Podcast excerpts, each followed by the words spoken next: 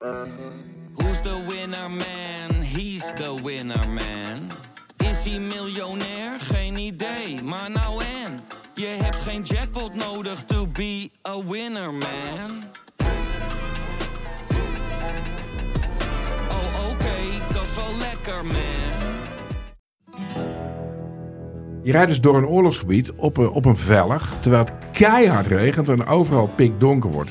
Nee, we durven niet te stoppen. En eh, ja, eh, Joep is nooit bang. Joep Vermans, de kamerman, die was nu ook echt bang. Via podimo.nl slash gonzo luister je de eerste 30 dagen gratis naar Podimo. podimo.nl slash gonzo.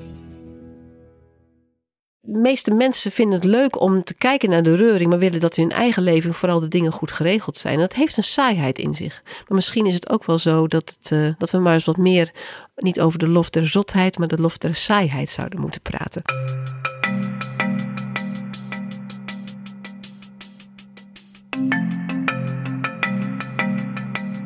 Dit is Betrouwbare Bronnen met Jaap Jansen.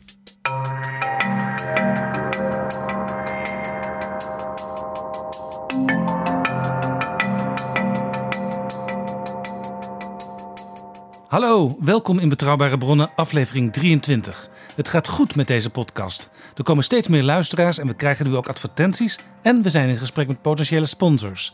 Die maken het mogelijk Betrouwbare Bronnen wekelijks te maken en dat je er kosteloos naar kan luisteren. En mocht je zelf denken, "Mwah, misschien wil ik wel met mijn bedrijf of mijn organisatie adverteren of samenwerken, neem dan contact met ons op. In deze aflevering, nummer 23 alweer, drie gasten. Eerst een gesprek met Rut Peetoom. Ze was acht jaar voorzitter van het CDA en ze neemt afscheid.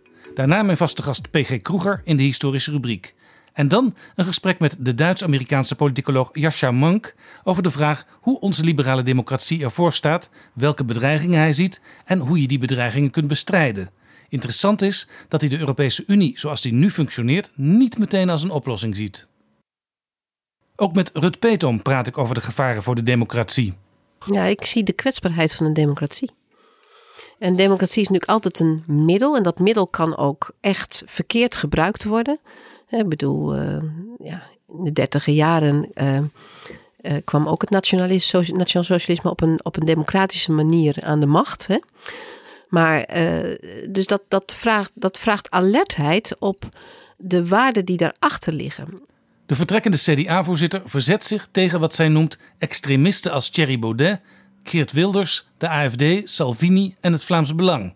Ik vraag haar waarom het CDA in het Europees Parlement dan nog steeds in één fractie samenwerkt met de partij van de Hongaarse premier Viktor Orbán. In Hongarije zijn immers democratie en rechtsstaat in het geding. Nou, we zijn er scherp over. Hè? Dat is eh, de, de Fidesz, de partij van eh Viktor Orbán, was een belangrijke factor in de tijd bij het vallen van de muur. En dus het, het, het, het eh, opnieuw opzetten van de Hongaarse democratie. Ja, maar hij was toen, hij was toen zeg maar liberaal-democraat. En nu zegt hij: ik wil een illiberale democratie. Ja, en daar zit dus echt een verandering in. En dan is het het makkelijkste om er daarmee dan maar met je rug naartoe te gaan staan. En we zijn er scherp over. Onze, onze delegatie in, eh, in Europa is dat ook, onze CDA-delegatie. Ehm, ehm, maar eh, je kunt, juist als je nog ehm, in dezelfde familie zit kun je elkaar ook scherp de waarheid zeggen.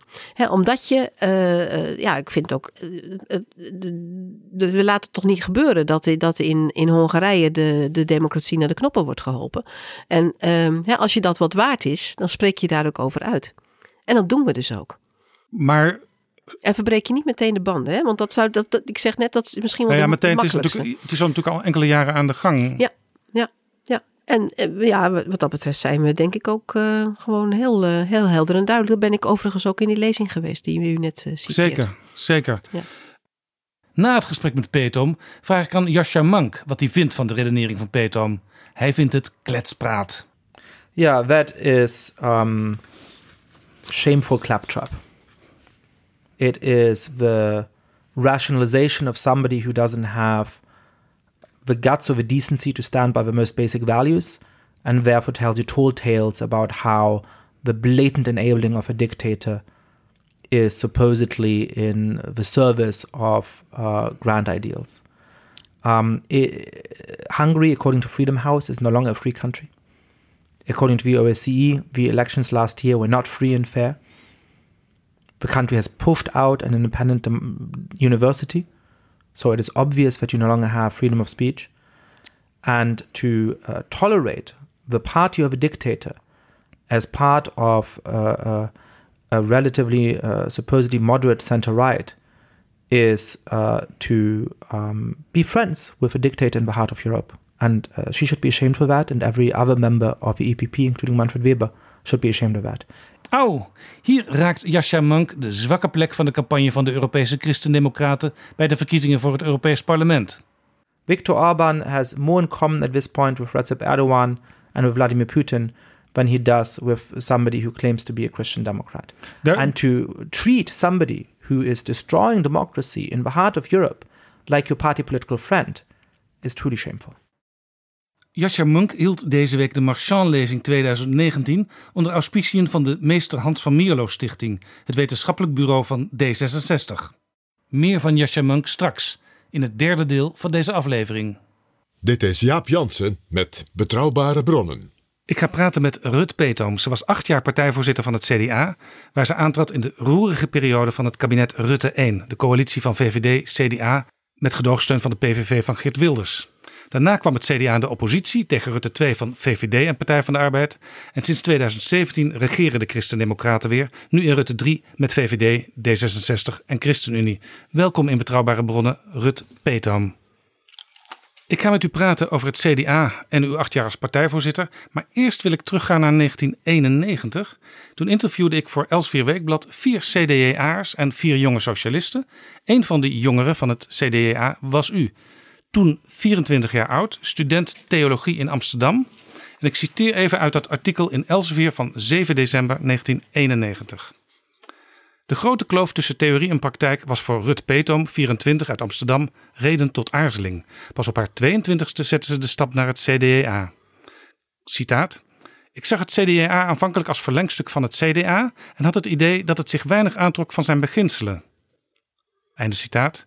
Bij de laatste Kamerverkiezingen stemden ze Partij van de Arbeid, omdat ze een CDA PvdA-coalitie wilden en uit waardering voor de kritische stem die de Partij van de Arbeid vanuit de oppositie liet horen. Citaat: Inmiddels vind ik dat je het niet voor 100% met een partij eens hoeft te zijn. Juist als je kritiek hebt, moet je eraan erin meedoen. Een regeringspartij kan zich niet altijd de luxe veroorloven het principe te benadrukken. Het CDA wel, horzelfunctie heet dat bij ons. Einde citaat. Dat was dus Rut Peetoom, wel bij het CDA, maar toch nog P van de A stemmen. Goedemiddag Jaap. Ja, dat is echt eh, lang geleden dit. Ehm, even kijken, dit is dus 1990 of zo. Ja, hè? 27 jaar geleden. Jongen, jongen, dat is eh, meer dan een half leven geleden. Ja, dat, eh, maar ik herken er nog echt wel dingen in. ja, dat, Ja, ook het, de spanning tussen beginsel en politieke praktijk. Nou, dat is er natuurlijk gewoon altijd. Dat, eh, eh, en dat, dat is ook wel mooi. Marja van Bijsterveld zegt altijd: voor het gemak zijn we niet geboren. Je moet in wat je doet telkens laten zien waar je voor staat. Maar dat het schuurt, dat het soms weer barstig is, ja, dat is gewoon een gegeven. En dat, eh, dat vind ik ook wel mooi om, om te zien dat ik dat, dat, dat toen dus ook al, toen ook al vond. En het is waar, hè? ik ben in de tijd lid geworden in, eh, ten tijde van het kabinet eh Lubbers 3. Ehm, Ja, Lubbers 2 denk Lubbers- ik. ja, inderdaad. Ja. Het, is negen, ja, het was Toen 89. ja. regeerde het CDA voor de tweede keer met de VVD. En Lubbers 3 werd een kabinet wat u graag wilde toen met de Partij van de Arbeid erbij. Ja, maar het was wel eh, dat. dat, het, was een, het CDA zat toen ook in een vrij technocratische periode. ehm, waarin we, herinner ik me nog, bijvoorbeeld stemden niet over resoluties. Maar over de pre-adviezen op die resoluties. Nou, echt zo archaïs. Ja, dat eh, kun je bijna niet meer bedenken. Nog En- even over en- dat technocratische, want er staat nog een citaat in dat Elsevier-artikel. ik citeer u. Ik denk dat het CDA onder jongeren zo populair is omdat ze in het algemeen tamelijk gematigd zijn en vanwege Lubbers. Zegt Rut Peetoom, 24, redacteur van Interruptie, het blad van het CDA. Ja, dat was het toen. Ja. Ze kan die motieven maar matig waarderen. Citaat. Lubbers is ontiegelijk bekwaam, maar ik weet niet of hij zich nog wel echt CDA voelt. Ja, dat is natuurlijk een premier die op dat moment al eh, ehm, eh, e- echt, aan zijn, aan zijn, eh, echt al heel lang in die verantwoordelijkheid zit. En dat was natuurlijk ook datgene wat in 94 uiteindelijk fout ging. Dat kiezers niet meer echt het idee hadden, niet meer wisten waar het CDA voor stond. Dat zei toen daarna de evaluatiecommissie van, uh, van die verkiezingsnederlaag ook. En dat is dus, heb ik natuurlijk voortdurend in mijn oren geknoopt, ook toen ik zelf partijvoorzitter werd. Dat dat um, in welke verantwoordelijkheid je ook zit, je moet uh, duidelijk laten zien waar je voor staat. En uh, uh, Pieter van Geel, die vicevoorzitter werd toen ik partijvoorzitter werd, die zei dat ook heel mooi: compromissen zijn geen standpunten. Dus je moet staan voor het compromis, maar tegelijkertijd kun je ook aangeven van hè, wat je zelf vindt. Want dat je met een ander compromissen moet sluiten, daar hoef je helemaal niet voor te schamen. Dat is een gegeven en ook soms de kracht in, in ons bestel. En een partij die lang regeert, wat natuurlijk vroeger voor het CDA bij uitstek gold, die loopt dus het risico de eigen identiteit in de compromissen te verliezen. Ja, nou dat heeft zich natuurlijk uh, uh, ook wel laten zien, hè, zowel in 1994 in, in en ik denk dat wij daar ook in 2010 op zijn uh, afgestraft. toen zat ik overigens zelf in die evaluatiecommissie van wat ja, dat was na, het resultaat had geleid. Na een lange periode balkenende, maar op het eind ging het in een duikvlucht naar beneden. Ja, maar dat, en het, het is aan de ene kant ook ehm, uh, nou, bijna logisch dat dat zo is. Maar het is, uh, het is niet leuk. Hè? En het betekent ook dat je voortdurend scherp moet blijven. Uh, in welke positie je ook zit, coalitie, oppositie. Hè? Dat je inderdaad je eigen kleur gewoon laat zien. Nog even een, een ander citaat. Want wat ook opviel in dat gesprek van 27 jaar geleden. Met al die jongeren. milieu was voor u en voor al die jongeren toen het allerbelangrijkste onderwerp voor de politiek. Dat is nu eigenlijk voor veel mensen ook weer het geval, het klimaat. Ook voor mijn eigen kinderen. Dat is heel, heel uh, mooi om te zien. Ja, Ik, ik, citeer mezelf nog even uit Elsevier. Opvallend is dat de jonge christendemocraten niet veel waarde hechten aan de typische onderwerpen waarmee het CDA zich onderscheidt van andere partijen. Het verbod op abortus en euthanasie, de eigenheid van het christelijk onderwijs. Het CDA gaat er naar de smaak van de jongeren verkrampt mee om. Rut Petom, citaat. Het is pure kolder als een partij zich alleen op dat soort punten profileert. Natuurlijk gaat het menselijk leven boven alles, maar wat moet je als het leven niet meer menswaardig is? Ja, nou ja, dat is, uh, dat is uh, consistent denken voor mezelf, denk ik. Ja, als ik dat geeft zo, ook weer uh... meteen het dilemma aan. Het menselijk leven gaat boven alles, maar er kunnen omstandigheden zijn dat. Ja, ja, ja, ja. en dat is natuurlijk ook hè, met de uh, dat, dat, dat is nu de, de vraag die we natuurlijk in deze tijd nog steeds hebben. Mag alles wat kan? Um, hè, wat uh, betekent het, uh, hè, de beschermwaardigheid van het leven? En um, ja, we spreken dus in die tijd ook over een tijd dat uh, de discussie over euthanasie überhaupt nog een uh, hot item was. En inmiddels hebben wij natuurlijk een euthanasiepraktijk die zich in de loop van de jaren echt heeft verfijnd.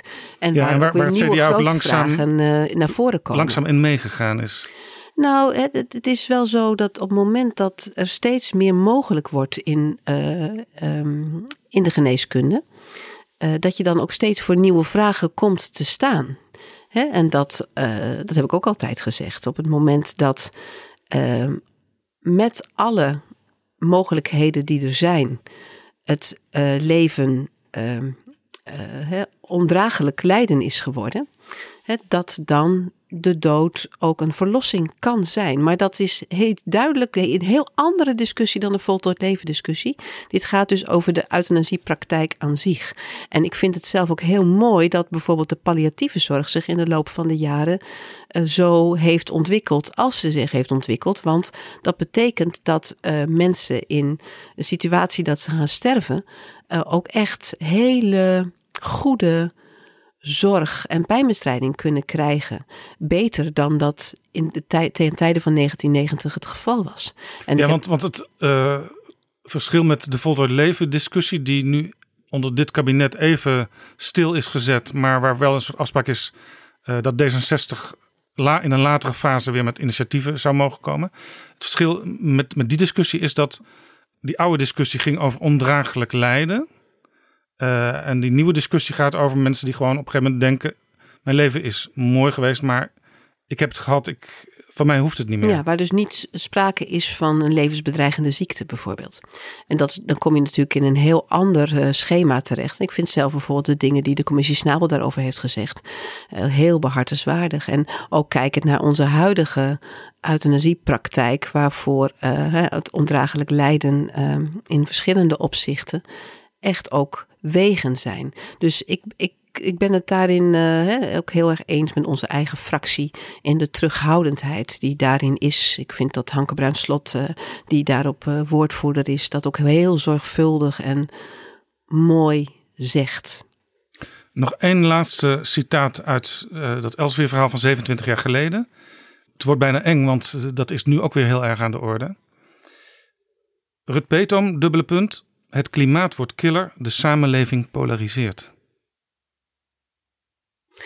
Ja, het is, ik weet niet naar aanleiding waarvan ik dat toen heb gezegd. Want het, ja, dit, dit, dit interview was voor mij ook weer eventjes een verrassing. Ik ben nog blond hè, als je in die foto's kijkt. Dat is echt heel bijzonder. Het ging ook toen al over migratie en integratie. Ja, nou ja, dat zijn natuurlijk wel thema's die steeds, uh, die steeds terugkomen. En het, het, het klimaatthema was toen hè, heel, heel groot. We hadden toen natuurlijk het rapport Brundtland gehad in, uh, in 87.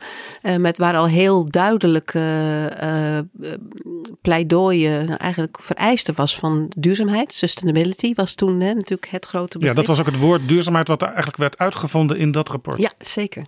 En dat is nu natuurlijk gemeen goed geworden. En dat dat uh, vandaag de dag urgenter is dan ooit, laat dat helder zijn. En dat is ook, ja, ik vind het altijd nog wel bijzonder dat dat bijvoorbeeld in, in de hele verkiezings campagne, verkiezingsstrijd tussen de verschillende partijen in 2017 was het geen issue. En waarom niet? Omdat er een grote consensus was hoe belangrijk het was om daar samen stappen op te ondernemen. En dat is, uh, denk ik. Um, nog steeds zo. Hè, dat we Parijs moeten halen staat als een paal boven water. Hè, daar is ook voor niemand uh, twijfel over. Maar de wegen hoe, Hè? Dat, dat zijn, uh, ja, daar kun je inderdaad uh, verschillende posities over innemen. Ja, daar komen we straks ook nog even op terug. Um, dit was 27 jaar geleden. Er lijkt eigenlijk dus niet zoveel veranderd. Uh, vier jaar, ongeveer vier jaar na dat gesprek werd u, u was toen nog student theologie, gevraagd om Kamerlid te worden, maar u deed dat niet. Nee, nou ja, dat was in de tijd dat Hans Helgers partijvoorzitter was. En wij hadden met een, uh, een groep uh, jonge christendemocraten uh, de beweging Confrontatie met de Toekomst opgericht. Eigenlijk om, eh, de, de, partij had een grote klap gehad in 94. Wij hadden zoiets van ja, het is zaak om de blik vooruit te richten, om mooie dingen te doen, te laten zien waar wij voor staan. Om ook vormen te zoeken waarin dat kan. Dus de stemkastjes bijvoorbeeld, die hebben we toen op dat moment al uitgeprobeerd. En ook ehm, primaries.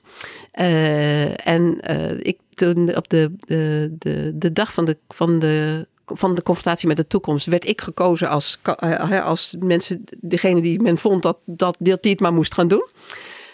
En toen uh, heeft Hans Helgers heeft mij inderdaad ook gevraagd of ik dat wilde. En dat heb ik toen niet gedaan, want ik was student. En uh, nou, ik liep wel rond in de landelijke politiek, zag daar ook mensen voor wie dat ook het enige perspectief was. Uh, dat wil zeggen, die zich geen ander leven dan die van actief politicus konden voorstellen. En was u een beetje bang als ik nu de politiek inga, zo jong nog, uh, eh, 28, dan is dat misschien mijn hele leven zo? Nou, ik was helemaal niet bang, maar ik had wel zoiets van: ik weet niet of dat goed is voor een mens. Want uh, ik vind zelf, je bent volksvertegenwoordiger met een bepaalde maatschappelijke ervaring vanuit iets anders. Het is, uh, het is geen beroep, hè? het is een ambt. En dat vervul je een aantal jaren. Uh, met wie je bent, met de ervaring die je hebt, dat, dat breng je mee. En uh, ja, daarna ga je weer wat anders doen. Dus uh, ik, ik vond het voor mezelf niet het goede pad op dat moment. Ik vond dat ik eerst maar eens wat sporen moest maken in, uh, in de rest van het leven. En dat heb ik dus ook gedaan. Ja, u werd predikant. Acht jaar geleden werd u dus voorzitter van het CDA. Eigenlijk tegen de zin toen van de politieke top in? Hè? Want Sjaak van der Tak was de favoriet van, van de politieke top. Nou, we hadden toen zes kandidaten, ja. Ehm, en ik was uh, de enige vrouw uh, toen de tijd. En wij hebben toen een, uh, een actieve verkiezingscampagne gedaan. Ehm, daar kwamen Sjaak en ik uit de voorronde als de twee met de meeste support. En toen zijn wij de tweede ronde ingegaan. En eh, toen, eh, toen ben ik gekozen. Ja, en dat was nadat het CDA had besloten op een eh, woelig partijcongres om met de PVV in zee te gaan. Hè? Die gedoogconstructie. 2 oktober 2010. Ja, datum weet, weet u nog precies. Eh, Wilders zou vanuit de Kamer eh, steun verlenen. En in ruil daarvoor moest dat kabinet ook wat dingen doen. Eh, en werd ook een aantal dingen in de ijskast gezet. Hè, waar, waar men niet eens over kan worden. Of althans, dat was nog een heel gedoe. En het CDA, veel CDA-mensen die voelden op dat moment zich eigenlijk niet meer helemaal thuis in in hun partij. Ja, sowieso, die, die periode was natuurlijk inderdaad... eh, woelig is een... eh, een eh, dat is de typering die je gebruikt. Ehm, maar het was inderdaad iets wat ehm, mensen heel erg terugbracht... tot wat is op dit moment nu echt belangrijk. En ehm, ja, dat, dat trok vervolgens ook sporen. Hè? Dat, eh, de, de deelname aan het congres van het CDA, daar kon je echt verschillend over denken. Eh, het bleek op dat congres ook. Hè? Twee derde heeft daar gekozen om eh, inderdaad dat voornemen te ondersteunen. En een derde zei, ja, dat moet je niet doen. Ja, en heel veel partijprominente mastodonten heten ze in die tijd. Eh, die stonden ook aan de kant van dit moeten we niet doen. Daar was- waren dus ook een aantal oud-ministers bij en een aantal oud-Kamerleden ja, en het liep dwars door de partij. Dus dat, eh, ja. En dat, eh, ja, het was natuurlijk een roemerig congres. Het is niet voor niets live uitgezonden op de nationale tv. Dat is sindsdien ook niet meer gebeurd. De enige keer in onze politieke geschiedenis, geloof ik. Echt een, een, een hele er dag lang live op televisie. Ja, ja er, er gebeurde echt wat. En het is nog steeds dat ik denk van. Eh, als je afvraagt waarom is dat nou? Omdat ik denk dat in die breedheid van het CDA, hè, in, in eh, de afweging van eh, hè, waar sta je voor, dat we, dat, daarin zijn we natuurlijk wel echt, echt een brede volkspartij. Bijna een, een vertegenwoordiging van Nederland. De discussies die daar waren, die werden veel gevoeld. Hè? Hoe gaan we om? Met eh, opkomend populisme, met eh, een partij als de PVV. En sommigen zeiden daarvan eh, in onze eigen kring ook van ja, gezien de uitslagen die er zijn bij deze verkiezingen. de mensen die hebben gestemd, moet je daarin serieus nemen. Nee, wij vinden ook dat het ver afstaat van het CDA, maar wij moeten kijken eh, eh, hè, wat we dan kunnen afspreken, eh, waar ze aan kunnen houden. En ehm, eh, daarmee, dan moeten ze ook maar laten zien dat, dat ze die stem waard zijn. En anderen zeiden van ja, nee, maar de inhoud van de PVV staat zo ver af van wat het CDA wil, dat moet je überhaupt niet willen. Wat was En uw eigen positie op dat congres? Ik heb tegengestemd, dus ik. Met twijfel of gewoon meteen tegen? Nee, ik heb met overtuiging tegengestemd. Maar weet je, ehm, ik was meteen al, al overtuigd. En dat, dat was dat congres bleek ook heel erg dat dus het- de, de, de scheidslijn ehm, ja, voor of tegen suggereert een zwart-wit denken. En dat is er nie- nooit geweest. Want onder de voorstemmers was echt het besef, die PVV staat ver, ver af van wie wij zijn. En onder de tegenstemmers, en dat had ik zelf ook, dat je wel besefte, ja, hè, dit land moet wel op een of andere manier geregeerd. Dus er was ook wel in die zin eh, hè, veel minder grote kloof dan wel is gesuggereerd. En dat er heb ik ook ervaren. Toen zat ik in de evaluatiecommissie eh, van de eh, verkiezingen van 2010. Maar goed, hè, dan loop je dus heel veel rond in die partij. Dat dus in die intenties CDA's helemaal niet zo ver van elkaar zaten. En dat het inderdaad voor veel mensen ook een moeilijke afweging was. Hè, wat te doen. En dat, eh, eh, dus dat maakte ook wel dat toen ik partijvoorzitter werd en eh, aan de slag ging met één ambitie, namelijk de verbinding te maken, hè, dat je dus dat ik wist dat die intenties niet ver uit elkaar lagen, maar dat wel het vertrouwen onderling, dat dat op het moment ver was. En voor mij was dus de opgave om dat te herstellen. De, de, de mensen in het CDA moesten weer bij elkaar gebracht worden. Moesten weer met elkaar in gesprek raken. Ja, want er was natuurlijk veel gebeurd hè, met die met een groot. de- Het evaluatierapport heette niet voor niets verder na de klap. Ja, er was een rapport eh, van de commissie Frisse. En dat rapport is geschreven in 2010. Daar zat u in, in, die, in de commissie die dat rapport schreef. Dat was dus inderdaad voor eh, uw partijvoorzitterschap. Ja, ja, ik was gewoon lid. En dat was dus tijdens het kabinet met die gedoogsteun. Nou, tijdens de totstandkoming daarvan, want in juni eh, 2010, vlak nadat eh, het kabinet gevallen was, eh, toen eh, werd ik opgebeld of ik, eh, eh, of ik in die evaluatiecommissie wilde. We hadden er niet bij verteld dat ik vicevoorzitter zou worden. Dat las ik de dag daarna op het internet. Het was een wat hectische tijd, denk ik. Ja, want de voorzitter zou worden Leon Frisse, Ja, daar is, het- daar is het rapport naar genoemd. commissaris van de Koningin in eh, Limburg. Ja, gouverneur zeggen ze dan hè, in Limburg. Ja, dat, eh, ja dat, eh, hij was voorzitter en ik was eh, vicevoorzitter samen met Frans Slangen. En eh, wij hebben dan ook met z'n. hè, De commissie was veel groter en heeft ook eh, eh, eigen onderzoek gedaan, heel breed samengesteld uit de partij. En misschien voor de luisteraars van Betrouwbare Bronnen, leuk detail. PG Kroeger was de penvoerder. Ja, ja, ja, PG kan natuurlijk heel goed schrijven en is een scherp watcher en een kritische geest. Dus ja, dat, dat kun je op zo'n moment goed gebruiken. Eh, Ook als er dus dingen moeten worden opgeschreven die niet voor iedereen even prettig zijn. Nee, maar goed, zo'n evaluatierapport moet eerlijk zijn. Anders kun je er niks mee. En dat hoorde ik ook wel terug toen het er lag. Ook van niet-CDA'ers. Dat ze het een hele scherpe analyse vonden. En bovendien nog eh, goed om te lezen ook. Dat is de verdienste van PG Kroeger. Dat kabinet met die gedoogsteun van de PVV. Vaak zeg je achteraf, het, het heeft louterend gewerkt. Is dat nu ook zo geweest? Ehm, ja, weet je, achteraf is makkelijk.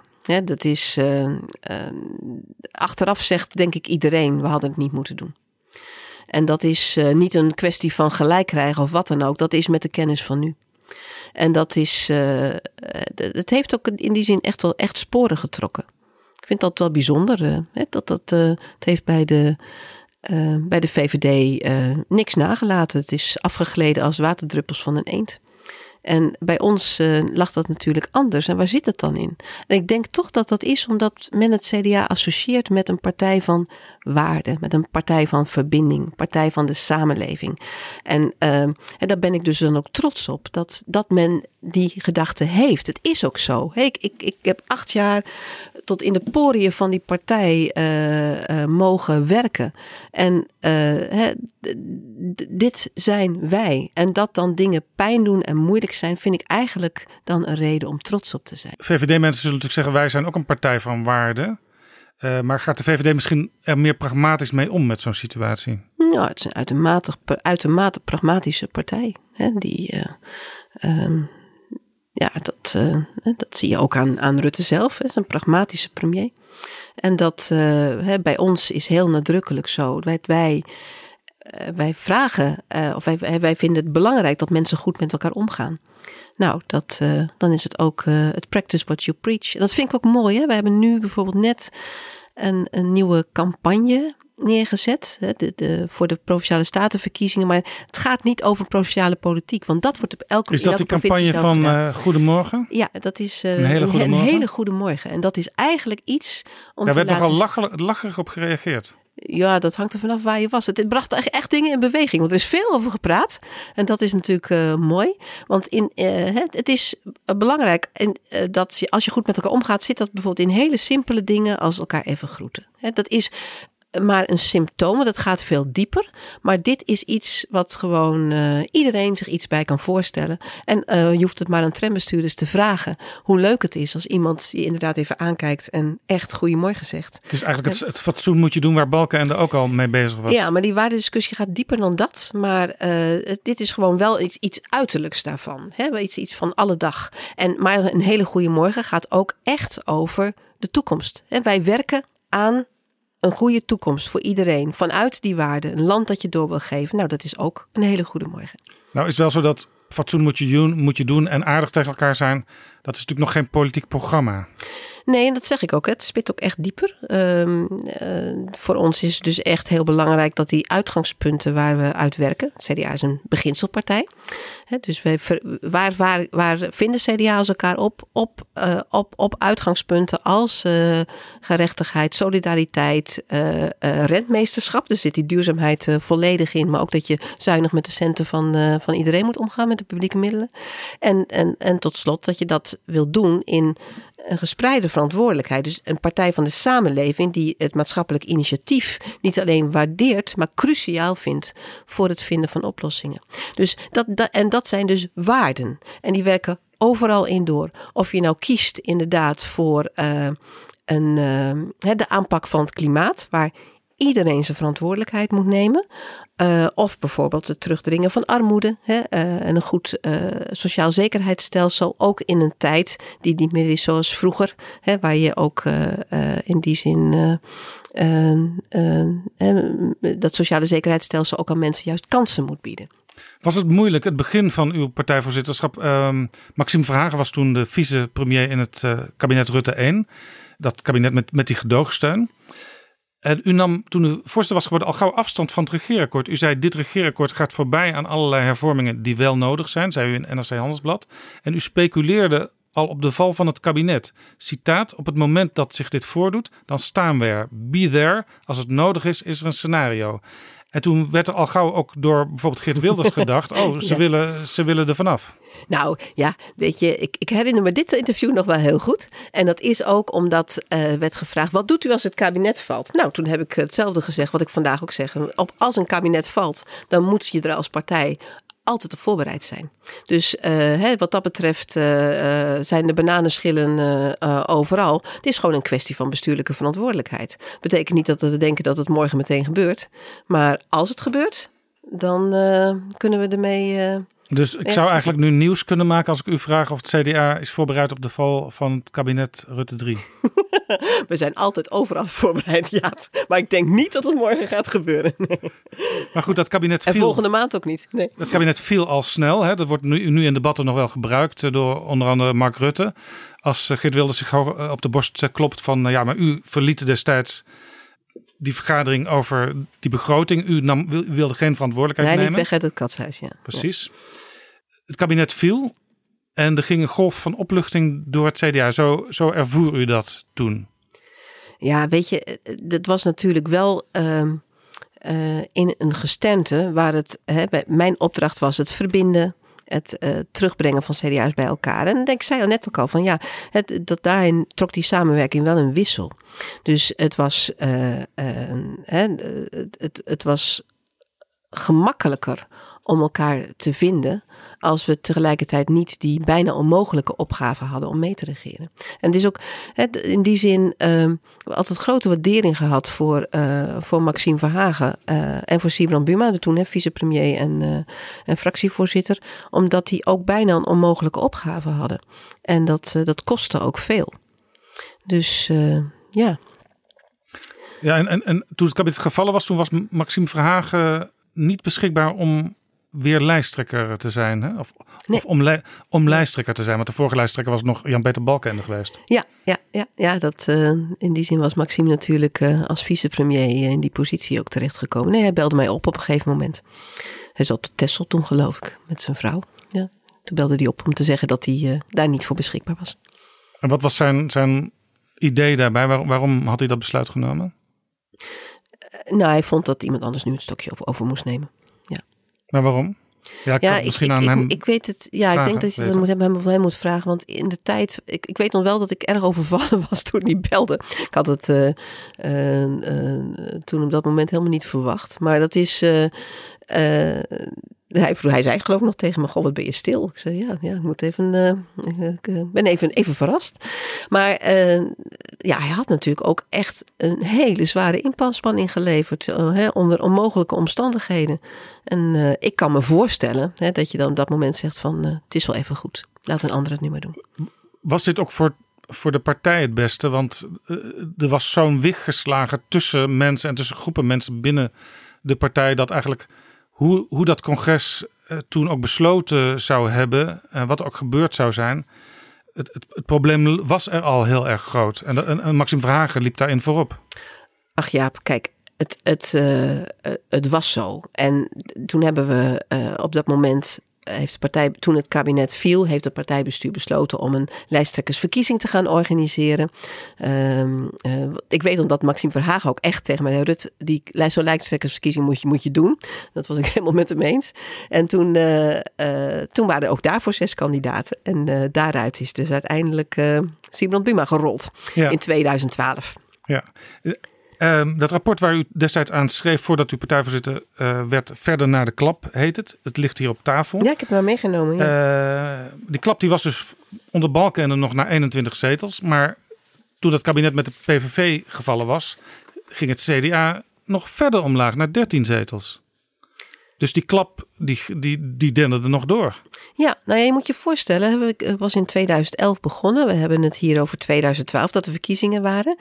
Uh, en al die dingen die het, uh, uh, het rapport had aanbevolen over cultuurverandering, over toch het bezien op de inhoud, op kijken naar, naar goede mensen op de lijst. We hadden dat natuurlijk nog allemaal we hadden daar begin mee gemaakt. Maar het was uh, nog absoluut niet tot wasdom gekomen. Dus wij wisten ook wel dat, het, dat dat te vroeg was. En dat we dus in die campagne van 2012 een, nou, dat noemen de Engelsen, een uphill fight moesten leveren. En maar wat wel mooi was, ik had zelf in gang gezet, hè, wetend. Um, dat, dat de kloof moest worden gedicht. Ik denk, we gaan kijken naar de uitgangspunten. En uh, ik had Jacobine Geel gevraagd uh, als niet-partijlid om echt te kijken. Onze uitgangspunten zijn voor CDA's heel vanzelfsprekend, maar worden ze ook herkend uh, als belangrijk ervaren door mensen van buiten de partij? En aan de andere kant, dus, en ik had er gevraagd om nieuwe woorden, nieuwe beelden ook aan te reiken tweede is het perspectief, politiek perspectief voor de toekomst. Middellange, lange termijn perspectief. Daarvoor had ik aan Artjan de Geus gevraagd uh, om een strategisch beraad te leiden. En breed ook in de partij uh, daarin uh, in, dingen op te halen. En die had een strategisch beraad gepresenteerd in januari. Ook Jacobine had haar nieuwe woorden en nieuwe beelden in januari gepresenteerd. Toen viel in april het kabinet. Ja, daar hadden dat natuurlijk nog absoluut niet kunnen effectueren. Maar ik merkte wel uit de respons in de partij aan de ene kant op, hè, worden die uitgangspunten nog herkend? Ja, voluit ja. Jacobin zichzelf zei zelfs, ga geen andere woorden gebruiken, want deze hebben zoveel lagen. Zo'n rentmeesterschap is misschien wel een ouderwets woord, maar daar zit echt in die duurzaamheid. Hè, dat je uh, uh, goed zorgt voor de dingen die jij krijgt aangereikt, die je ook weer door moet geven. Dat is inderdaad uh, duurzaamheid in de zin van milieu, uh, goede zorg voor de aarde. Aan de andere kant is het ook, hè, wat ik net al zei, ook ga zorgvuldig om met de publieke middelen. Hè. Spreide verantwoordelijkheid is een ander uitgangspunt, ook heel ja. kernachtig.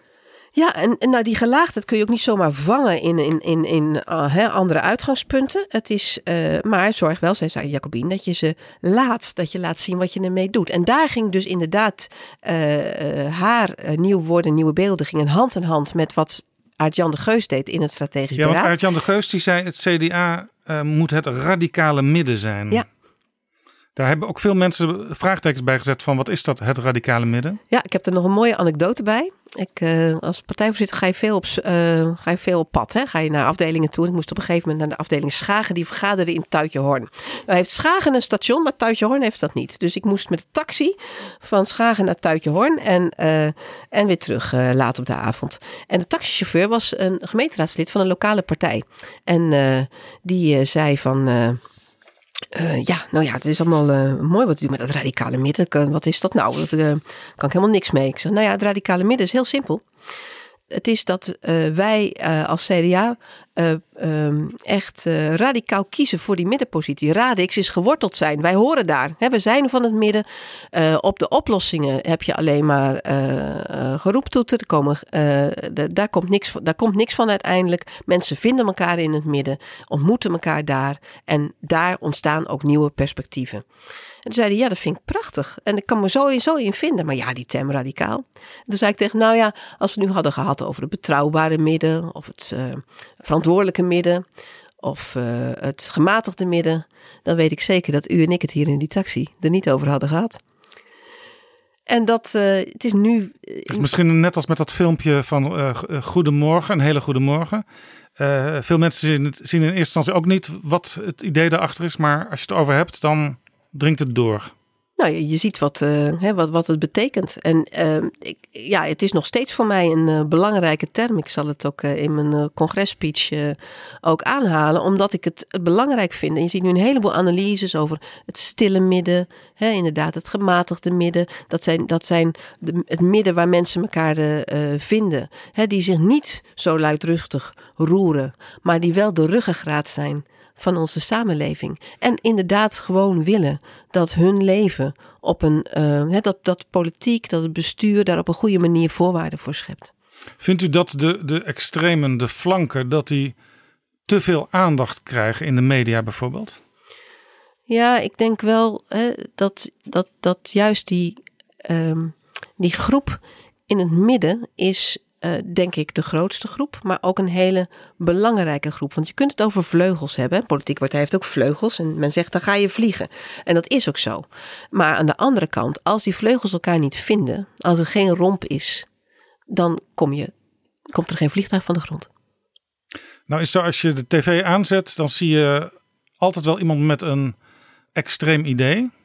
Maar over mensen van het midden wordt vaak ook door televisiemensen eh, geredeneerd en door radiomensen ja, daar, daar, daar zeppen mensen weg. Nou, dat is natuurlijk wel een beetje de makke. Hè, dat uh, media worden beoordeeld op hoeveel reuring ze maken, hoeveel mensen ze trekken.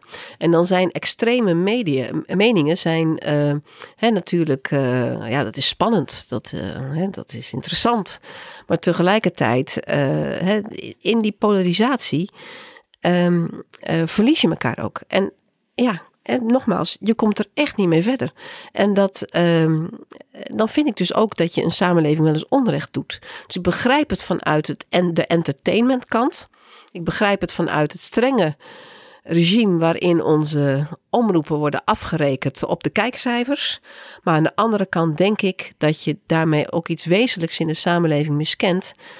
Namelijk dat de dingen ook wel vanzelfsprekend soms moeten zijn. Hè? Dat er een bepaalde Um, weet je, de meeste mensen vinden het leuk om te kijken naar de reuring, maar willen dat in hun eigen leven vooral de dingen goed geregeld zijn. Dat heeft een saaiheid in zich. Maar misschien is het ook wel zo dat, het, uh, dat we maar eens wat meer, niet over de lof der zotheid, maar de lof der saaiheid zouden moeten praten. Gewoon omdat dat voor mensen veiligheid biedt, zekerheid en daarmee ze ook belangrijke dingen kunnen doen. U wilde het CDA toen uh, positioneren in het radicale midden. Staat het CDA daar nu? Ik vind dat het CDA echt um, wezenlijk die middenpositie heeft. En je ziet het ook wel dat het, het, midden is natuurlijk, moet je ook wel definiëren wat het dan is. Vroeger was het namelijk een sociaal-economische definitie. en dan stonden uh, links en rechts, uh, in de zin van aan de ene kant uh, de, de, de, bij ons dan de liberalen, aan de andere kant de socialisten, recht tegenover elkaar. Maar die sociaal-economische verdeling, die doet het niet meer. We zijn veel meer in een hoefijzervorm terechtgekomen, waarbij eigenlijk het een uitwisseling is tussen kiezers van de PVV en de, en, en de SP. Dat had je vroeger niet voor mogelijkheid gehouden. En het, het is ook, andere mensen denken veel meer in een kwadrant, hè, waarin je ook bijvoorbeeld mensen die positief zijn over hun toekomst, of mensen die negatief zijn over de toekomst, hè, ook op verschillende polen zet. Dus links, rechts, het doet het eigenlijk niet meer. En ik vind het dus echt heel belangrijk om te kijken van wat beweegt mensen? He, waar maken ze zich zorgen om, maar ook wat voor perspectief bieden ze? Dat vind ik essentieel aan het CDA en ook eh, aan een radicale middenpartij als de onze. Dat ze die, die oplossingen, het perspectief bieden. En ik zie dat gebeuren. Ik zie inderdaad dat in de fractie, ik zie het in het wetenschappelijk instituut op lokaal niveau. Ja, dat, uh, daar word ik warm van.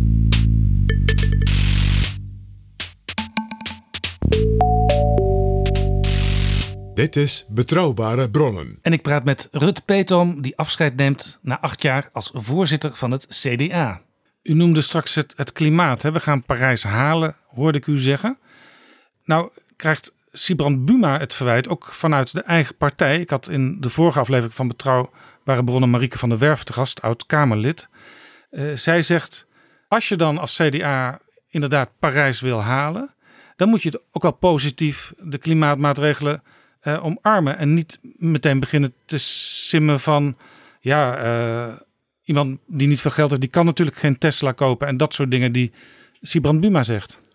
Ja, um, ik, ik, ik heb zelf het interview uh, gehoord met Marike. En ik weet hoe gepassioneerd ze bezig is met, met haar missie. Hè? Dat, Ehm, en, maar ik denk dat, dat het op die manier spreken, dat dat valse tegenstellingen zijn.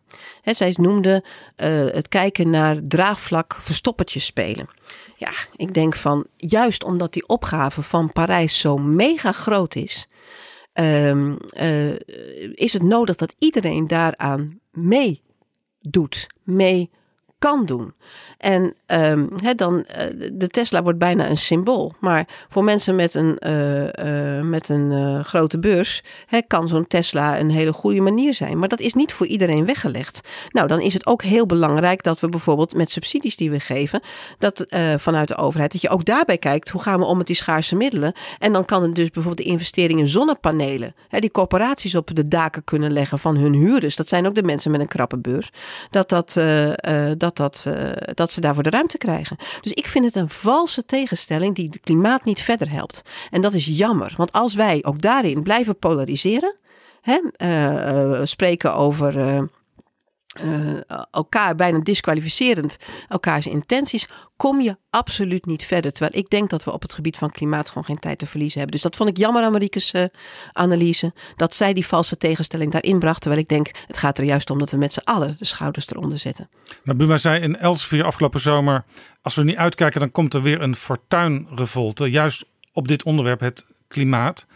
Dan denk ik, ja, dat is interessant, maar zeg er dan ook meteen bij hoe je zo'n revolte wil voorkomen. Maar hij bleef een beetje hangen in, ja, uh, voor veel mensen zal het lastig te dragen zijn.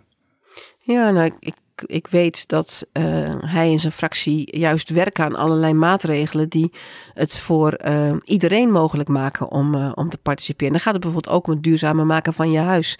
Er is het, de grote stap die werd gezegd van geen Gronings gas.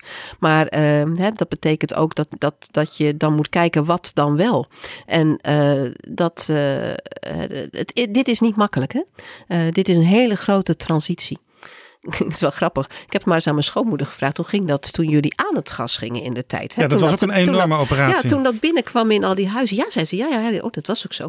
Um, nou, dan was het zo dat als je dan, dan um, als je huis aan het gas werd uh, um, geholpen, zeg ik nou maar even. Dan ging je meer huurverhoging betalen. Dus konden mensen dat toen betalen. Ja, zei ze. Ja, daar kon je voor kiezen. En, maar het was ook zo. Als je dan ging verhuizen naar een ander huis. Dan, uh, uh, dan ging je automatisch de hogere huur betalen. Dus ja, het ging eigenlijk in die zin uh, moesten wij ook meer betalen en uh, ging, werd het, maar werd dat wel op een, op een natuurlijke manier gedaan. Nou, ik denk dat het ook zaak is om nu dat natuurlijke, die natuurlijke transitie zoveel mogelijk te doen. Alleen de urgentie Hè, waarmee we, waarin we nu leven, met ja, echt grote veranderingen in ons klimaat, maakt dat we, uh, dat we het met z'n allen moeten doen. En ja, iedereen op zijn eigen manier. En dat de overheid daar dus voorwaarden voor kan scheppen. Maar daarmee ben je er absoluut niet. Gaan we op korte termijn een enthousiaster CDA zien als het over klimaatbeleid gaat? Nou, um, ik zou zeggen, ga mee op uh, statencampagne. En je ziet het overal. Hè? En al, in al die provincies worden concreet maatregelen genomen. Net als bij de lokale verkiezingen, want dat was vorig jaar ook. Allemaal programma's waarin concrete maatregelen staan. En zo moet het. Wie denkt dat het alleen van het Binnenhof zal komen, die heeft een zeer beperkte focus op de werkelijkheid. Eh, er wordt wel eens een beetje geringschattend gezegd over partijen als VVD en uh, CDA. Uh, ja, ze moeten af en toe PVV-corvée doen. Hou eens op. Was bijvoorbeeld, was bijvoorbeeld de manier waarop het CDA tot voor kort uh, met het kinderpardon omging ook PVV-corvée? Nou ja, nee. Weet je, er was een regeerakkoord. Waarin stond dat er niets veranderd zou worden aan het kinderpardon. Uh, niet strenger, niet ruimer. Dat was een compromis tussen partijen. En, uh, aan welke kant van de lijn stond het CDA toen dat compromis gesloten werd? Nou, eh, dat, uh, dat is de afspraak waar het CDA achter zich, zich achter heeft geschaard. Maar, achter dat compromis? achter dat compromis. En dat betekent dat, eh, en daar heeft, hebben Madeleine van Torenburg en Simon Buma vanuit het idee dat je als je eh, een afspraak maakt, je daar ook aan moet houden, hebben ze gedaan. Maar tegelijkertijd is het zo, als je merkt dat een, iets wat je hebt afgesproken echt de bedoelingen die erachter zit volkomen voorbij schiet. Dat daarmee eigenlijk onrecht ontstaat. Er was natuurlijk de uitspraak van de Europese Hof eh, rondom eh, het meewerkcriterium van mensen die in asielprocedure zitten. Dus als je een keer niet opkomt dagen voor een kop koffie, dat het als tegenwerking werd beschouwd. En tegelijkertijd eh, ook eh, het rapport van Erik Scherder en zijn eh, ehm, mensen die liet zien dat de, die langdurige onzekerheid waarin eh, mensen verkeren, met name kinderen, schadelijk is voor die kinderen. Ehm, en de ervaring van, hè, CDA's zijn altijd overal actief in de samenleving, dus ook in de opvang van asielzoekers. En Ja, u ken- ervaringen teruggaven. U kende zelf ook mensen die betrokken waren bij de Bethelkerk, waar permanent gebeden werd voor eh, kinderen die eigenlijk het land zouden uit moeten. Nou, De kerken hebben zich natuurlijk eh, geschaard eh, hè, en, achter de opvang in de Bettelkapel. En ik ben daar zelf ook eh, op bezoek geweest. eh, echt om, nou ja, weet je, je moet altijd voeling houden met wat er gebeurt, wat mensen ervaren. Dat was nog voordat de fractie, laten we maar zeggen, de draai maakte, hè, dat u daar op bezoek was. Ja, ik vind, En ik niemand moet- wist daarvan dat moet u daar altijd was. wel lachen van over die, over die draai. Hè? Dat is, eh, Madeleine van Torenberg noemde het veranderd inzicht. En dat vind ik een hele mooie term. Want ehm, eh, als je toch tot de conclusie komt dat iets niet meer werkt. Hè, en ik vertelde net waarom dat was.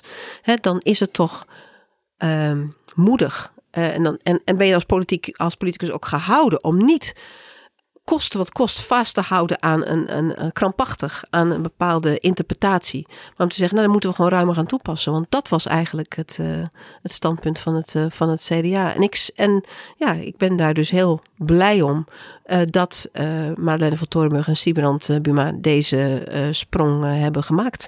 Maar u ging dus naar die Bethelkapel eh, nog voordat het duidelijk was dat de CDA-fractie dat ver- veranderd inzicht had. Eh, dat deed u zonder publiciteit. Ja. Mochten mensen niet weten dat de voorzitter van het CDA daar was? Ja, maar die ging daar niet heen voor de bühne.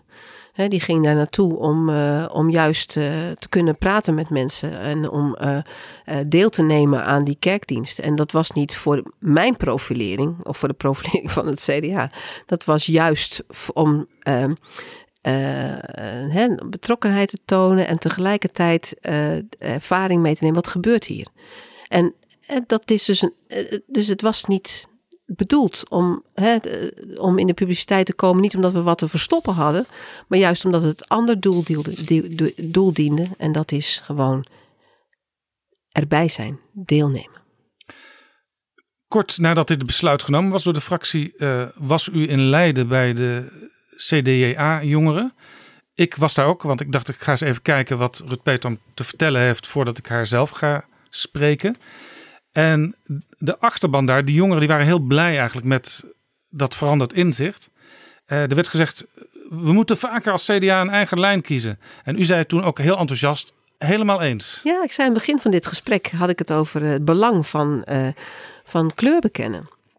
En ehm, het, dat je dan dus echt mag zien eh, wat eh, soms ook de moeite zijn die je hebt. Hè? Dat, er, dat er weerbarstigheid is, dat vind ik volstrekt logisch. Want politiek is niet makkelijk en je beslissingen ook niet. En tegelijkertijd eh, mag je ook laten zien waar je voor staat. Dus ja, dat was eh, in die zin dat ik denk ik... eh, die, eh, dat enthousiasme was oprecht. Ja, dit is dus eigenlijk ook de, de lijn die u eigenlijk al 27 jaar geleden in had gezet. Namelijk, je moet altijd eh, je erg profiel scherp houden, ook al werk je samen in coalities. Ja, en in die middenpositie kan het dus ook heel nadrukkelijk. Kun je degelijk gewoon eh, stevig profiel hebben. Ja. Hoeft niet, al- daar- daarvoor hoef je de flanken niet op te zoeken.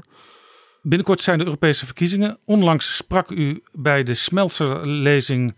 Peter Altmaier sprak daar. eh, u had ook een soort co-referaat. Ja. En u waarschuwde eigenlijk heel veel tegen de opkomst van nationalistische partijen in heel Europa. U verwees zelfs naar Weimar, de Duitse democratie die in de jaren 30 instortte, waar Hitler toen voor in de plaats kwam. U zei, ik citeer u, ze zijn er weer de extremisten, net als toen in Weimar. Thierry, Geert, de AFD, Salvini, Vlaams Belang. Geen sprake van dat zij Europa kapot maken. Dat, zat u, dat zit u heel hoog. Ja, ik zie de kwetsbaarheid van een democratie. En democratie is natuurlijk altijd een middel. En dat middel kan ook echt verkeerd gebruikt worden. Ik bedoel, eh, ja, in de dertiger jaren eh, eh, kwam ook het nationaal socialisme op een, op een democratische manier aan de macht. Hè? Maar dus dat, dat, vraagt, dat vraagt alertheid op de waarden die daarachter liggen. En dat besef was er na de Tweede Wereldoorlog heel scherp. Dat het nodig was om de verbinding te zoeken. Hè, om eh, besef te hebben van je eigen identiteit en eh, hè, wat je bindt in een land, maar tegelijkertijd sprong te maken naar de samenwerking. En die samenwerking wordt beter als je jezelf goed kent. Dat is net zoals in een, in een, in een relatie. Dat is, uh, um, het betekent niet opgeven van je identiteit, maar juist van, van daaruit samenwerken. Eigenlijk Ik hetzelfde wat u net over een politieke partij zei. Je moet zelf herkenbaar zijn, uh, maar wel breed willen samenwerken. Ja, ja, ja, daar, ben ik echt, daar ben ik echt diep van overtuigd. En dat is, uh, hè, dat is natuurlijk ook mooi bij zo'n uh, uh, co-referaat. als, als de Duitse minister Peter Altmaier komt spreken. Ja, dan, toen heb ik ook nagedacht over die Duitse situatie. Hè, want de Duitsers hebben, voor hen is het een bijzonder jaar, dit, dit 2019. Want zij herdenken niet alleen 40 jaar val van de muur. dat is 30 jaar, hè? 30 jaar val van de muur. Um, uh, dus ze herdenken ook uh, 1949. Uh, Adenauer die de samenwerking zoekt met de landen omheen, om hen heen. En inderdaad de, val, of, of de, de instelling van de Republiek van Weimar. Hè, nu 100 jaar geleden. van Adenauer, hè, de, de Duitse christendemocraat. Daaraan laat je zien hoe belangrijk het is om over je eigen schaduw heen te springen. En hoe je daarin um, uh, inderdaad uh, misschien concessies moet doen. Maar in het, kader van een hoger doel. En dat vrede en veiligheid. en en dat dat niet meer vanzelfsprekend is. Dat democratie niet vanzelfsprekend is. Ja, dat is een besef wat vandaag de dag um, steeds breder wordt. Maar waar we dan ook wat aan moeten doen. Ik heb dat geprobeerd in de afgelopen acht jaar. En ik zal dat ook gewoon blijven doen. Want ik, ja, dat hoort bij mij. Nou zegt u, Geert Thierry, geen sprake van dat zij Europa kapot maken. Uh, het CDA heeft ook gezegd na die vervelende episode met die gedoogsteun van de PVV. Dat gaan we, dat gaan we niet meer doen. Geldt het eigenlijk ook voor Thierry Baudet? Want die heeft nog nooit uh, meegeregeerd. Nee, maar ik heb met Thierry Baudet wel eens in een debat gestaan over Europa. Nou, daar word ik niet blij van er, zit zoveel wantrouwen in en zoveel eh, informatie die gewoon niet klopt. Uh, echt daarin ook, ook valse beelden waarvan ik zeg: ja, is dat nou het perspectief bieden? Is dat nou waarmee je mensen verder helpt? En um, ja, dan vind ik dat hij in, in, in zijn polarisatie ook inderdaad dingen kapot maakt. En ten opzichte van de democratie die we hebben, ook gewoon. Um, ja, het, eh, je moet met, met. Democratie is wat waard. Daar moet je wat in investeren. Daar moet je je ook uh, kwetsbaar in durven opstellen. En dat betekent niet dat je het kapot maakt. Ja, dan, dan is er voor de hand liggende vraag uh, waarom het CDA nog steeds samenwerkt op Europees niveau met Viktor Orban van Hongarije. Want daar gebeuren allerlei dingen. De media, die worden allerlei dingen in de weg gelegd. De rechtspraak die is niet meer helemaal onafhankelijk. Het zijn zelfs mensen die zich afvragen of Viktor Orban ooit nog wel uh, toestaat dat er een ander dan uh, zijn partij aan de macht uh, zal zijn. Maar die partij die zit wel gewoon in dezelfde fractie in het Europees Parlement. Nou, we zijn er scherp over. Hè? Dat is de, de Fidesz, de partij van Viktor Orban, was een belangrijke factor in de tijd bij het vallen van de muur. En dus het, het, het, het opnieuw opzetten van de Hongaarse democratie. Ja, maar hij was toen, en, hij was toen zeg maar liberaal-democraat. En nu zegt hij: ik wil een illiberale democratie. Ja, en daar zit dus echt een verandering in. En dan is het het makkelijkste om er daarmee dan maar met je rug naartoe te gaan staan. En we zijn er scherp over. Onze, onze delegatie in, uh, in Europa is dat ook, onze CDA-delegatie. Um, um, maar uh, je kunt, juist als je nog uh, in dezelfde familie zit kun je elkaar ook scherp de waarheid zeggen.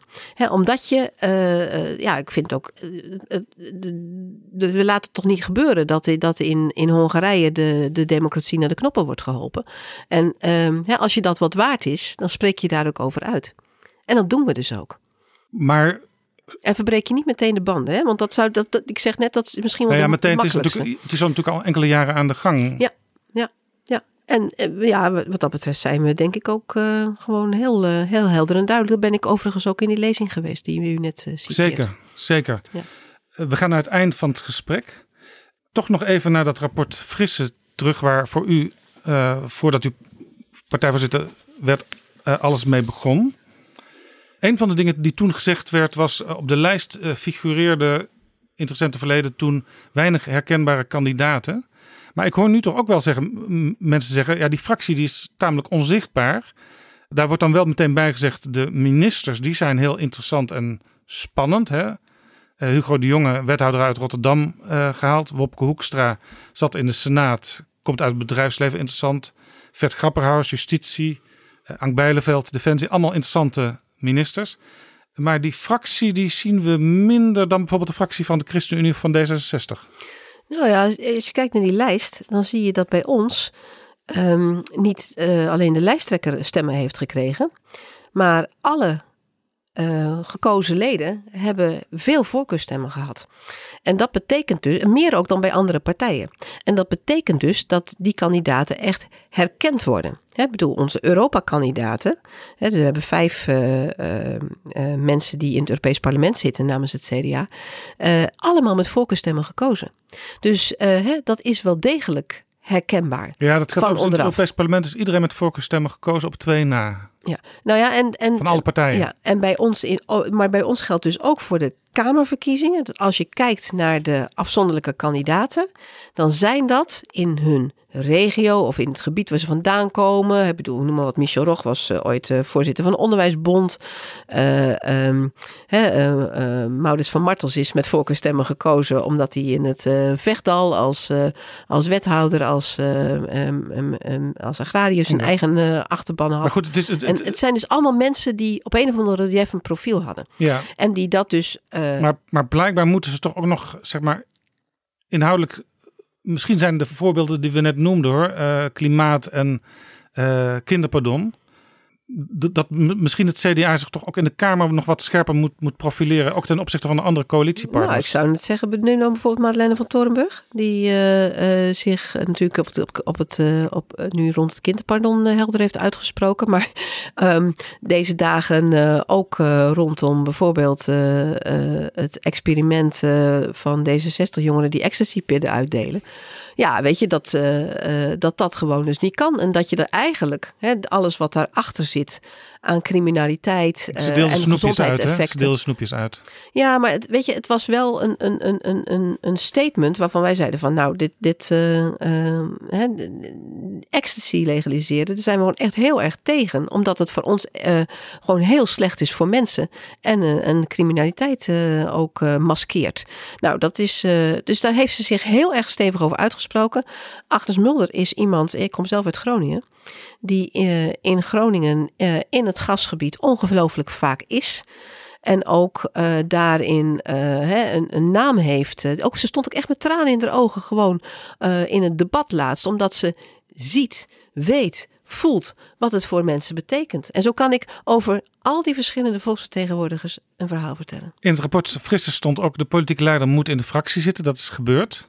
Sibrand Buma heeft niet gekozen voor ministerschap. U kwam toen ook tot de conclusie dat de politieke leider eigenlijk maximaal twee perioden van vier jaar aan het roer moet zitten. Eh, Buma zit daar nu, ja je zou kunnen zeggen hij zit ertussen, want hij was nog geen leider toen dat rapport eh, geschreven werd. Eh, hij zit er nu, hij gaat richting, dit is de tweede periode. hij gaat richting de acht jaar nu als je het bij elkaar optelt. U, u gaat natuurlijk zelf niet meer over. Hè? U, Ja. Nee hoor, ik ben, over, ben volgende week zaterdag. uw opvolger eh, Rutger Ploem die moet dat weg. maar bekijken. Eh, maar het li- het ligt dus voor de hand dat er een nieuwe lijsttrekker komt bij volgende verkiezingen voor het CDA. Weet je, daar ga ik echt helemaal niet over. Dus dat is de afweging die het eh, partijbestuur eh, dan maakt. En volgens mij zijn de verkiezingen lang niet in zicht. En dat doet Buma het gewoon prima. Maar als ik de, zie wat u destijds heeft afgesproken, dan ligt dat in de reden. Even los van de persoon Buma. Nou, we hebben natuurlijk een heleboel dingen gedaan eh, in, die, eh, in die evaluatiecommissie. En eh, dat, ik, ik in 2013 vroeg het congres of ik wilde rapporteren wat er dan allemaal van waar was geworden. Hè, hoe ver we er waren. En toen viel me inderdaad, was ik positief verrast over alle dingen die we hadden ingezet. Dus als je het gewoon kijkt naar wat dat rapport vraagt, dan ben ik in die acht jaar ver gekomen. Het is wel grappig, want ik vond, ehm, ja, je ruimte deze dagen wat op, hè, gewoon. Eh, dus eh, ik vond terug, ehm, ehm, ik heb in de tijd de presentatie van dat, eh, van dat rapport gedaan. Ehm, en toen vond ik terug dat het rapport geeft een enorme hoeveelheid huiswerk mee voor de nieuwe partijvoorzitter. Dat is een parttime functie. Is dat reëel? Dat werd toen de vraag gesteld. We hebben het over 2010, hè, dat die vraag wordt gesteld. Ja, want de partijvoorzitter Ja. wer- werkt altijd vijf dagen per week. Ja, tot, tot, tot dan. Maar ik heb zelf gekozen om te zeggen van nou, dat doen we niet meer. Dat, eh, we doen het. eh, eh, ik, er was toen nog wel een- natuurlijk een grote klus. Hè, met, wij, wij hebben overal in het land afdelingen. En zijn nog steeds de grootste partij. Ehm, maar ik vond wel dat, dat het voor vijf dagen dat dat te veel gevraagd was. En ik heb toen zelf gezegd, heb vier dagen betaald. En ik ben op alle momenten dat het Ja, want, nodig want is de partij moest bezuinigen natuurlijk naar zo'n enorme verkiezingsval. Uw opvolger gaat trouwens twee dagen per week het doen, hè? Ja, die nou twee dagen betaald, zegt Rutger Ploem ook. Dus, eh, Hij heeft natuurlijk nog een, een, een baan als advocaat. Maar kan het in twee dagen? Nou, dat is iets wat het partijbestuur ook wel weer gaat evalueren. Hè? Dat is, eh, want de klus is eh, nog steeds groot. Ehm, Ja, tenzij u het zo goed gedaan hebt dat er eigenlijk geen partijvoorzitter meer nodig is. nou, dat lijkt me een, eh, een beetje overdreven ambitie. eh. Ehm, het is mooi dat de partij gewoon altijd ook een gezicht heeft. Gewoon iemand die voorop gaat. Die staat voor die lange termijn. En die staat voor de ledendemocratie. Het CDA moest Nederland herontdekken, staat in het rapport. Dat is denk ik wel gebeurd. Maar heeft Nederland het CDA ook herontdekt? Nou, dat blijft een, eh, een, eh, een eh, permanente opgave. En eh, ik zie daar allemaal mensen gewoon echt niet alleen hun best voor doen, maar ook gezien worden. Ik noem maar iemand, eh, Harmen Krul, Den Helder. Jonge vent, hè, eh, hij, is, eh, en hij, hij werkt bij de marine. En in dat weerbarstige Den Helder, dat mogen we toch wel zeggen, is hij degene die de politiek daar gewoon nieuw vertrouwen geeft. Ja, Den Helder, daar is een En, dat, is gewoon, en dat, ben ik, dat vind ik dan zo mooi om te in de zien. gemeenteraad geweest afgelopen jaren. Ja, en Harmen doet het op zijn eigen manier gewoon heel goed. Dat is een van die christendemocraten waar ik zeg, nou, het is gewoon prachtig eh, hoe, dat, eh, hoe dat gaat. En zo zijn er velen. U heeft u zelf eh, vaak genoemd moeder overste, brandweerman en leeuwentemmer. ja. Welke leeuw heeft u getemd? Ehm, oh ja, ja, nou ja, mensen die soms een leeuw zijn, zijn er de week daarna zijn. nou, lam zal ik niet zeggen, maar het, is, het betekent wel altijd in zo'n grote club. Zijn er ergens wel fikkies of is er ergens eh, een conflict? En eh, dat hoort er ook allemaal eh, bij, want het is, het is gewoon mensenwerk. Ehm, en ja, het ene moment ben je inderdaad moeder overste.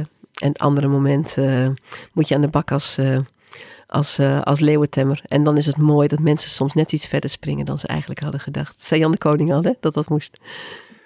U was predikant, u was partijvoorzitter. U gaat nu als uitgever werken bij het Fries Dagblad.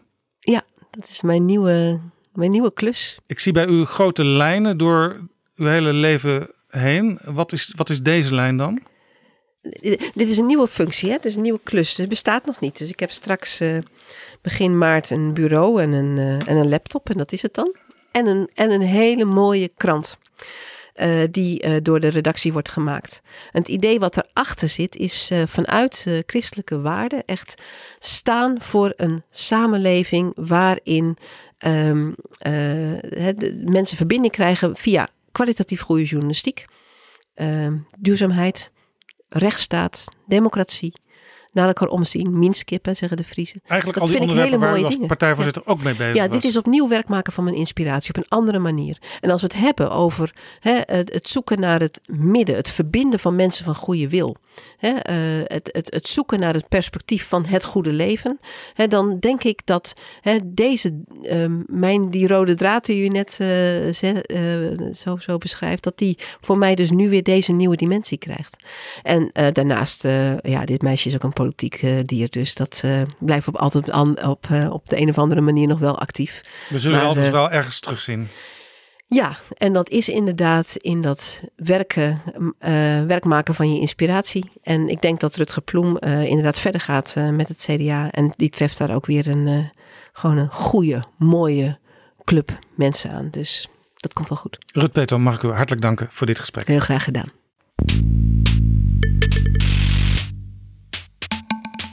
Jaap Jansen en Pieter Gerrit Kroeger duiken in de politieke geschiedenis.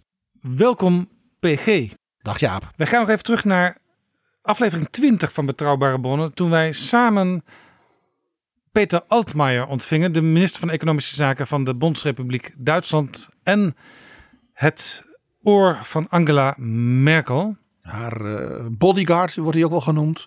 En de- gewoon de machtigste man van Berlijn. Heel veel luisteraars vonden dat heel interessant natuurlijk. Sowieso iemand uit het grote Duitsland die in Nederland een gesprek voert in het Nederlands. Dus het was een bijzondere gast om, om te ontvangen. En nog bijzonderder eigenlijk de manier waarop het gesprek plaatsvond. En het vuur waarmee hij sprak. En eh, nou, eh, hij draaide er niet omheen bij eigenlijk alle grote onderwerpen. Of het nou Brexit was of de toekomst van Europa. Met het verdrag van Macron en Merkel. En en en en. Hè, Laten we zeggen. heel even naar hem luisteren. Ik voel het eh, altijd, eh, altijd belangrijk dat men probeert ook eh, om, om, in, in ander taal te verwoorden wat men denkt. En ik heb eh, enkele jaren in Brussel gewerkt als ambtenaar van de Europese Commissie voor een Nederlandse directeur, voor een Nederlandse chef d'unité. Ehm, en ik heb ehm, in de jaren 80 on, ongelooflijk veel vrienden gehad in Nederland. Dus indien u mij verstaat, verstaan enkele van de luisteraars mij misschien ook. Dat was Peter Altmaier in Betrouwbare Bronnen 20. En jij be- benadrukte in dat gesprek ook op het eind dat hij uit de Saar eh, komt, eh, Saarland. En dat is, een, dat dat is een deelstaat van de Bondsrepubliek van maar een miljoen inwoners, dus eigenlijk heel klein. Er zijn provincies in Nederland die meer dan 1 miljoen inwoners hebben. Ik noem maar Brabant, ik noem maar eh, Noord-Holland, Zuid-Holland. Ja, dan zit je al de miljoenen. Gelderland. Ja. Dus een, eigenlijk een klein stukje Duitsland. Maar jij noemde toen ook meteen al een heleboel namen van andere politici uit Duitsland. Van alle partijpolitieke denominaties die ook een Saar-achtergrond hebben. Altmaier begon dan natuurlijk ook zeer enthousiast te vertellen over het eigene van Saarland, het DNA van de mensen daar.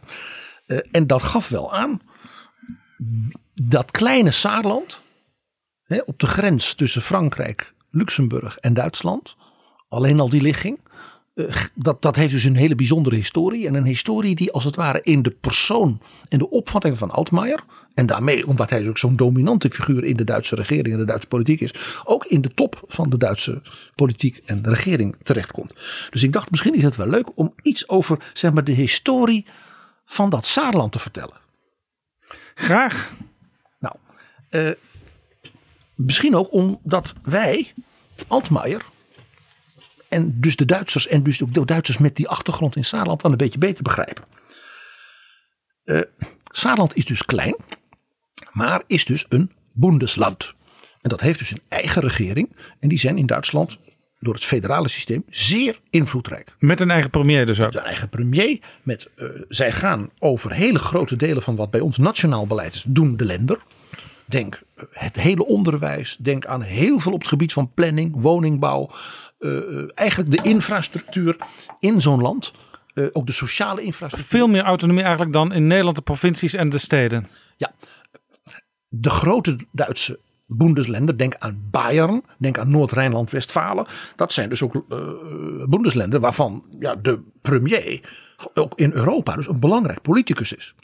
Nou, het feit dat de nieuwe partijleider van de CDU, hè, dus de mogelijke opvolger van mevrouw Merkel, waar Altmaier ook voor sprak, premier was van datzelfde Saarland. Annegreet Kramp-Karrenbauer, AKK. Dat geeft dus ook aan dat zij dus echt gewoon regeringservaring heeft. Het is wel een klein landje, maar van belang. Dus maar één stad, Saarbrücken. Eh, maar De naam geeft het al aan, Saarbrücken. Saarbrücken.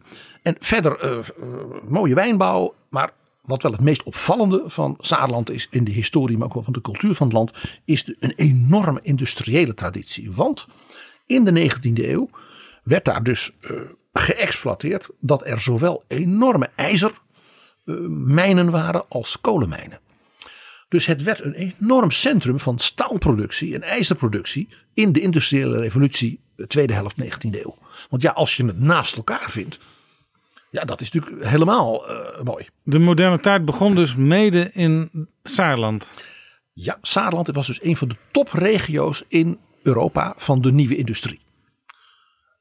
En doordat het op de grens ligt met Luxemburg en Frankrijk, dan begrijp je al, aha, dat zijn diezelfde kolen- en ijzervoorraden van Elsass-Lotharingen.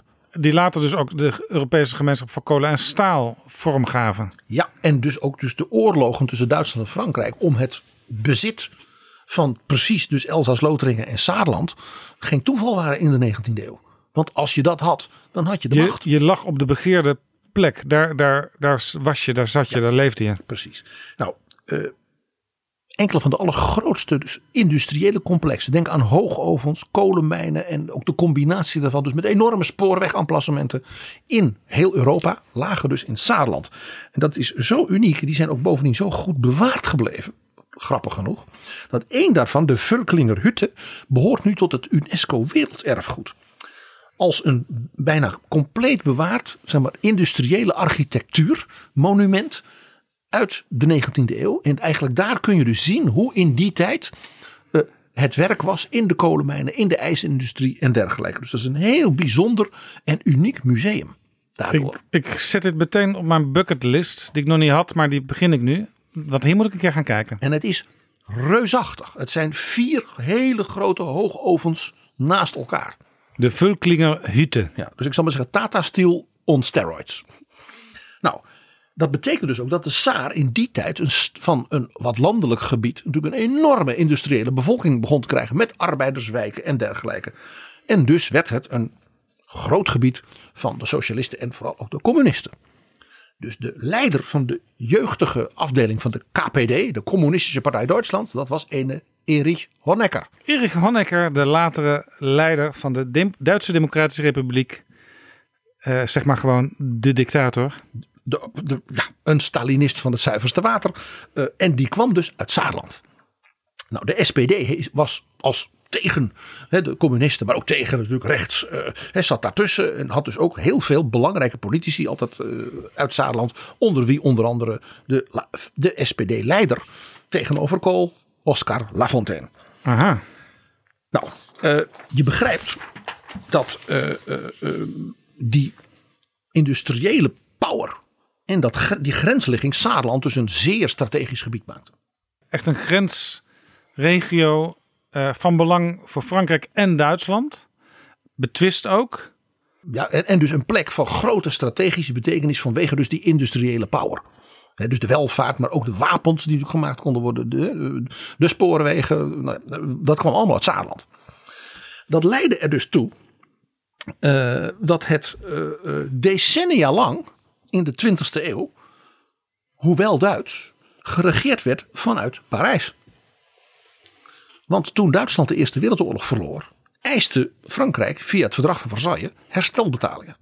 Ja. En dat heeft men onder andere gedaan door het Saarland min of meer te annexeren. Dat bleef dan zogenaamd officieel wel Duits. Maar zolang er dus niet afbetaald was, was werd dus de economie van Saarland en ook het bestuur helemaal door Frankrijk gedaan. En Dit, dit is interessant, want we leren natuurlijk op de middelbare school, misschien zelfs al op de lagere school, hoe de Duitsers zich eigenlijk genomen voelden met dat verdrag van Versailles, waar Hitler uiteindelijk zijn, zijn gruwelijke systeem op kon bouwen, op, op die rancune. Maar Saarland speelde daar dus een hele centrale rol in.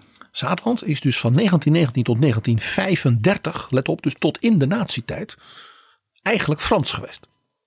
Dat leidde ertoe dat in 1933, toen Hitler aan de macht kwam, een heel veel intellectuele, politici eh, en anderen die dus niets van de nazi's moesten hebben, zijn gevlucht naar Saarland. Omdat ze dachten, dat is nog een stukje Fra- Frankrijk in feite. In 1935 is er een soort referendum gehouden. En toen koos de bevolking van Saarland voor wij willen bij Duitsland en dus bij Nazi-Duitsland horen. Dat was een van de eerste grote overwinningen van Hitler. Hè, waarbij hij kon zien dat hij die westerse machten dus... eh, En dat was een eerlijke, eerlijk referendum? nou, volstrekt niet. Nee, natuurlijk niet. Een dictator houdt van referenda zoals je weet, want dan kan hij knoeien. Nou, dus in 35 werd dus Saarland weer Duits en Nazi-Duits. Dat leidde ertoe dus dat een heleboel van die vluchtelingen dus of probeerden in Frankrijk Ja. of in Nederland terecht te komen of in Amerika of onder, de, onder te duiken. Dus Saarland heeft dus in, die, in de nazi-tijd tussen 35 en 45, dat is bij hun dus 10 jaar geweest, altijd een wat aparte plek gehad. Als Ja. iets wat, waar de nazi's, ze konden de mensen daar niet vertrouwen, om maar zo te zeggen. Precies. En dat, dat, dat door, doortrekken naar Frankrijk, naar Nederland was ook niet zo makkelijk meer. Want daar werden de grenzen langzamerhand ook gesloten. Dus je begrijpt, dat was, men zat ook wel een beetje in de val. Nou, wat gebeurt er in 45? Het Nazi-rijk stort in, wordt verslagen eh, en Duitsland wordt bezet.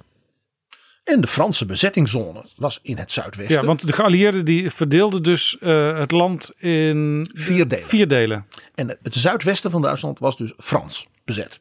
Waaronder uiteraard Saarland. Waarvan de Fransen onmiddellijk zeiden, net als in het verdrag van Versailles, dat krijgt een speciaal statuut, direct geregeerd vanuit Parijs.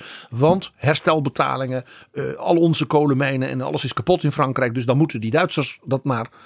Waarbij ze in feite een fout maakten waarvan ze van hadden kunnen leren in die vorige fase. Dat is dus zeer interessant dat de Fransen dit opnieuw deden. Dus Saarland is van 1945 tot, schrik het niet, 1958 feitelijk geregeerd en geëxploiteerd door Frankrijk. 13 jaar. 13 jaar, dus langer dan de nazi-tijd. Die daar 10 jaar had geduurd. Ja. Het heette in die tijd het Territoire du Bassin de la Sarre. Niet Saarland. Eh, ook alles werd geregeerd vanuit Pa- Parijs. Ze hadden wel een lokale en regionale democratie. Dus hadden wel een eigen regering. Maar Frankrijk dicteerde heel veel. Dus zo heette dan bijvoorbeeld de, de Hindenburgstraße. Werd dan omgedoopt tot de Avenue Victor Hugo. En is, jaren later werd het dan weer teruggedraaid natuurlijk. Want zo gaat dat. Eh, Parijs probeerde dus vooral ook de bevolking van de Saar, als het ware zijn Franse identiteit te bevorderen. Dat ze Fransgezind waren, eh, dat er een democratie was. En je, zou, je kon natuurlijk nooit weten hoe dat met Duitsland zou gaan. Men probeerde dus eigenlijk structureel de Saar te verfransen. Dus er was ook de bedoeling dat je stokbrood ging eten en een eh, kasket op je hoofd zetten. Nou ja, al, al, al, dro- al dronk je maar Elzasser wijn. Eh, dus die, die democratie die ze dus bouwden, de Fransen, was dus, eh, die was keurig, maar wel een beetje apart. Eh, de nazi-partij werd verboden uiteraard. Eh, en er werd een regering gevormd. Maar de West-Duitse partij, zoals de CDU van Adenauer of de SPD, die waren verboden in Saarland. Want het waren West-Duitse partijen en zij waren niet West-Duitsland. Dus ze hadden hun eigen, bijvoorbeeld Christelijke Volkspartij van premier Hofman. En dat was overigens een man dus uit het kerkelijk verzet tegen Hitler, die dus gevlucht was. En die had dus zijn eigen christelijke partij. Die mocht dus niet samenwerken met Adenauer. Nee, er was wel democratie, maar het was niet zo democratisch dat je je eigen partijnaam mocht hebben. je begrijpt, eh, Parijs hoopte natuurlijk dat de bevolking van de Saar als het ware steeds meer ja, de zegeningen van Frankrijk zouden gaan inzien. En dat op die manier dat zou, zou blijven. Eh, premier Hofman en veel van die politici waren dus ook francofiel. Die waren natuurlijk ja, vervolgd geweest en of erger, of in strafkampen gezeten, concentratiekampen in Nazi-Duitsland. Ja, die had dus enorme achting en waardering voor de Fransen. En voor dat, eh, dat de Saar nu in geval een fatsoenlijke westerse democratie kon ontwikkelen. Nou, eh, bepaald moment na, in de, de naoorlogse jaren eh, ontstond natuurlijk het gevoel van ja, dat West-Europa eh, samen moest gaan werken. De NATO ontstond ook. Eh, en ja, één ding was duidelijk. Het idee dat men zoals in Versailles dus allemaal annexaties zou gaan doen. Die les moest men toch maar leren. We moeten samenwerken in Europa. En ja, toen ontstond het idee dat ja, er iets moest gebeuren met de Saar. Nou, Er moest iets gebeuren met de Saar. ja, en, maar wat? Waar ging, ja, waar ging dat naartoe? Nou, dus meneer Hofman kwam met een lumineus idee. Een lumineus idee. Iets super Europees. Een soort mini, ik noem maar een pocket editie van de Europese superstaat. Waar velen nu zo bang voor zijn. Ai, dat woord zouden we toch niet, niet, niet meer noemen? Precies. Dan gaan er meteen allerlei mensen reageren. Let op waar meneer Hofman mee kwam. Die zei, Saarland moet nog Frans, nog Duits worden. Dus Frankrijk staat het af en Duitsland zegt wij claimen het niet. Een soort Europees protectoraat. Ja, het zou een Europees statuut krijgen. Waarbij dus zijn regionale regering, het kabinet Hofman, zou dan als het ware vanuit Brussel voor zijn buitenlandse politiek als het ware aangestuurd worden door de West-Europese Unie. Dus zeg maar de, de, de Europese poot van de NATO, Ja. die toen was opgericht. En er een soort commissaris voor de economie van de Saar zou komen bij de Europese gemeenschap van kolen en staal. Wat natuurlijk het belangrijkste van de Saar was qua economie. Dus het zou een soort status aparte in Europa krijgen. Een soort zelfstandig stukje Europa. Een soort eerste begin van een soort Europese staat.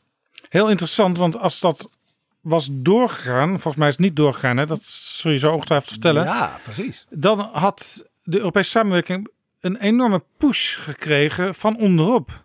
Want dan waren ook andere landen gedwongen om toch meer na te denken over bijvoorbeeld hun gezamenlijke buitenlands beleid.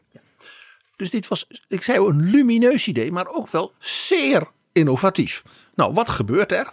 Tot ieders verrassing op een conferentie van de Europese machten, Frankrijk en Engeland, hè, de overwinnaars van de oorlog, en Duitsland met Adenauer, de verliezers die met, met wie we toch weer samen wilden, werd gezegd: laten we dat maar doen. Het werd geaccepteerd, het Ja. idee. En Adenauer zei: Ik vind dit een mooie gedachte. Verzoening in Europa. Adenauer was een politiek ongelooflijk slimme vos. Een unieke man. Hij was dus toen al bijna 80. En die dacht: Saarland. Ja, want de, de, normaal zou je denken, eh, een Duitser wil het Duits houden, een, een Fransman wil het Frans houden. Daar is een padstelling. En Adenauer zei: Ik vind het een mooi idee. Want Adenauer dacht strategisch. Die dacht: Ik ben nu zes jaar kanselier. Van een land dat verslagen was. Alles was kapot. We zijn nu met het Wirtschaftswunder bezig. Duitsland moet zo snel mogelijk weer een geacht land in Europa worden. Dus niet zoals het verdrag van Versailles dat we gestraft worden. En die zei: Saarland. Nu een miljoen mensen, dus toen een half miljoen mensen. Hij gaf er geen bied om. Hij dacht: laten ze dat alsjeblieft doen met het Europese statuut. Ik krijg als compensatie, dat ik zeg: doe maar, dat de Bondsrepubliek een soevereine staat wordt. Zes jaar na het begin van zijn regering, tien jaar na de nederlaag van Hitler. Binnen tien jaar dus in soeverein. Lid van de NATO. Zelfstandig lid. En een eigen Bundesweer. Wa- Waren dit dingen die hij op dat moment eiste? Misschien niet met dat woord erbij, maar. Of lag dat toch al in de reden? Nee, daar moest over onderhandeld worden. Wilde dus Duitsland lid van de NATO kunnen worden. En echt kunnen gaan meedoen met de EU in wording. Dan moest je een aantal tekens geven dat je van goede wil was. Dan moest Duitsland wel een soevereine staat met een eigen buitenlandse politiek en een eigen leger en zo. En Adenauer streefde daar dus heel schriet voor schriet, ja, heel planmatig naar. En die dacht, als ik daarvoor de Saar moet opgeven voor zo'n Europese droom van meneer Hofman, dan doe ik dat. Nou, dus Adenauer ging nog verder. Die zei, als dit kan, dan mag de Saar dat statuut krijgen. Ik beloof nu, namens Duitsland, dat wij nooit geweld zullen gebruiken als Duitsland bij de Wiedervereinigung, als die ooit zou kunnen komen met zeg maar, het Oosten. Terwijl op dat moment juist eh, eigenlijk eh, ongeveer de DDR aan het ontstaan was. Want dat was het, het Russisch eh, bezette deel van Duitsland. En Adenauer zei dus, wij willen ooit natuurlijk dat het weer één land wordt en een democratie. Maar wij beloven, als er een Duits leger nu komt binnen de NATO, dat wij nooit geweld zullen gebruiken. Tweede wat hij beloofde, Duitsland zou afzien van atoomwapens, biologische wapens, chemische wapens en het bouwen van eigen raketten. Nou, daarmee zeiden dus de westerse landen: dit is het goede Duitsland wat nu komt. Eh, dus hij mocht volledig meedoen, soeverein. Politiek was dit natuurlijk voor, voor de oude Adenauer een triomf. Maar het lag net al een beetje in eh, hoe, hoe ons gesprek verliep. Die, die status aparte die is er nooit gekomen. Hè? Nee, want wat gebeurde er? Men besloot dat de bevolking aan de Saar. die moest beslissen over dat Europees statuut. Ja, en, en of ze dus eens waren met hun eigen premier om dat op die manier te doen. En omdat men er volstrekt van uitging, gelet op alle reacties in de kranten, dat, dat een fantastische ja, saargevoel, werd er dus op 23 oktober nou, 1955 een referendum uitgeschreven voor die dag. En dat werd in mei werd dat bekendgemaakt. Zoals ze ooit dus onder dwang van Hitler eigenlijk in een referendum bij Duitsland aangesloten waren, moesten ze, mochten, ze, mochten ze nu beslissen over hun lot naar de toekomst toe. Nou, eh, wat gebeurt er? Het blijkt dat premier Hofman en Adenauer zich volkomen verkeken hadden op de publieke opinie. Het nationalistische gevoel bleek zowel links als rechts onmiddellijk hoog te komen. De SPD, let wel, de SPD was tegen de Europe het Europees statuut. Sociaaldemocraten. Sociaaldemocraten die waren toen nog sterk Duits nationaal. Dat is pas in 1959 dat de SPD bijvoorbeeld de EU en de NATO ook ging accepteren. De FDP, zat, li- de liberalen. zat vol hele rechtse eh, oude naties ook en soldaten en wat dan niet, waren ook tegen. Dat leidde tot- toe dat op de rechtervleugel in de CDU men begon te morren tegen notabene Adenauer. Die dus, eh, wat eigenlijk niet van hem verwacht werd, een hele verkeerde inschatting had gemaakt. Volstrekt. Maar meneer Hofman ook. Want wat gebeurde er in de Saar? De leider van de naties in de Saar, die dus hem verboden was eh, met zijn partijtje, die richtte een, een soort eh, agitatie op eh, met, met, met, met hoempa-muziek en bijeenkomsten. En de Saar moet Duitsland zijn. En hij ging, let op, verzet tegen Adenauer en Hofman en de Fransen en het kartel van de vaderlandslozen. Stop even. Het kartel. Gebruikte hij echt dat woord? Ja. Oké, dan, dan zwijg ik even deemoedig. Je wordt, je, wordt er stil van. Ik ja, het kartel der vaderlandslozen. Dus het waren landverraders. Adenauer was een landverrader. Hofman was een landverrader. Die hun volksgenossen, dat was ook terror uit de natie, in de steek lieten. En dus er werd een pamflet uitgedeeld in heel, heel Saarland. Met als, met als tekst uit de Bijbel. Kain, waar is je broer Abel? Adenauer, waar is de Saar? Dus hij werd beschouwd zoals de eerste moordenaar in de Bijbel. De oude. Nou, erger kun je het niet hebben als Nee. christ, christelijk En democraat. een man van 80 bijna. En waarvan iedereen zegt een politiek briljant man. Nou, de CDU, de SPD, de liberale FDP gingen allemaal door de knietjes. Die vormden toen een Heimatbund Saar. En die zei ja, eh, we moeten uiteindelijk, de Saar moet deel gaan uitmaken van een Duitse republiek. Hè, dus de Bondsrepubliek vanuit Bonn. En Adenauer die hoopte dus dat Frankrijk dat zou vetoen. Dus, dus de Duitse kanselier die hoopte dat Frankrijk zijn eigen partij en anderen in zijn Die regering hoopt dat Duitsland iets, dankzij de Fransen iets kleiner wordt. Dat gebeurde niet, want er was natuurlijk weer een regeringscrisis in Frankrijk. En de oorlog in Algerije, eh, die, die, die leidde tot de ene toestand naar de andere in Frankrijk. En Frankrijk kon die hele saar niks meer Ze hadden hun handen vol en hun hoofd was met iets heel anders bezig. Toen kwam dat referendum. Wat was de uitslag? 67,7% tegen het Europees statuut. 23 oktober 1955, 67,7 procent. Maar dat was dus een, een enorme afgang voor Adenauer. Terwijl in, zeg maar, in mijn memorie, wat ik ook uit geschiedenisboekjes weet, ja, iets beters dan Adenauer is in de Duitse geschiedenis bijna nooit voorgekomen. Zo is het. Dus dit wordt eigenlijk een beetje weggemoffeld, dit, dit minpuntje op zijn conduite staat. Sterker nog, het bleek nu waarom Adenauer zo'n briljante politicus was. En zo'n alter fuchs. Een vilijn, cynisch, politiek hard en slim. Want dat was hij allemaal. Hij zei, ja, dan moet er met Parijs worden onderhandeld over wat doen we nu na dat statuut. En in Parijs, dat had hij natuurlijk al lang begrepen, liet men het gebeuren. Dus Adenauer kreeg voor elkaar dat Saarland direct lid kon worden van de Bondsrepubliek.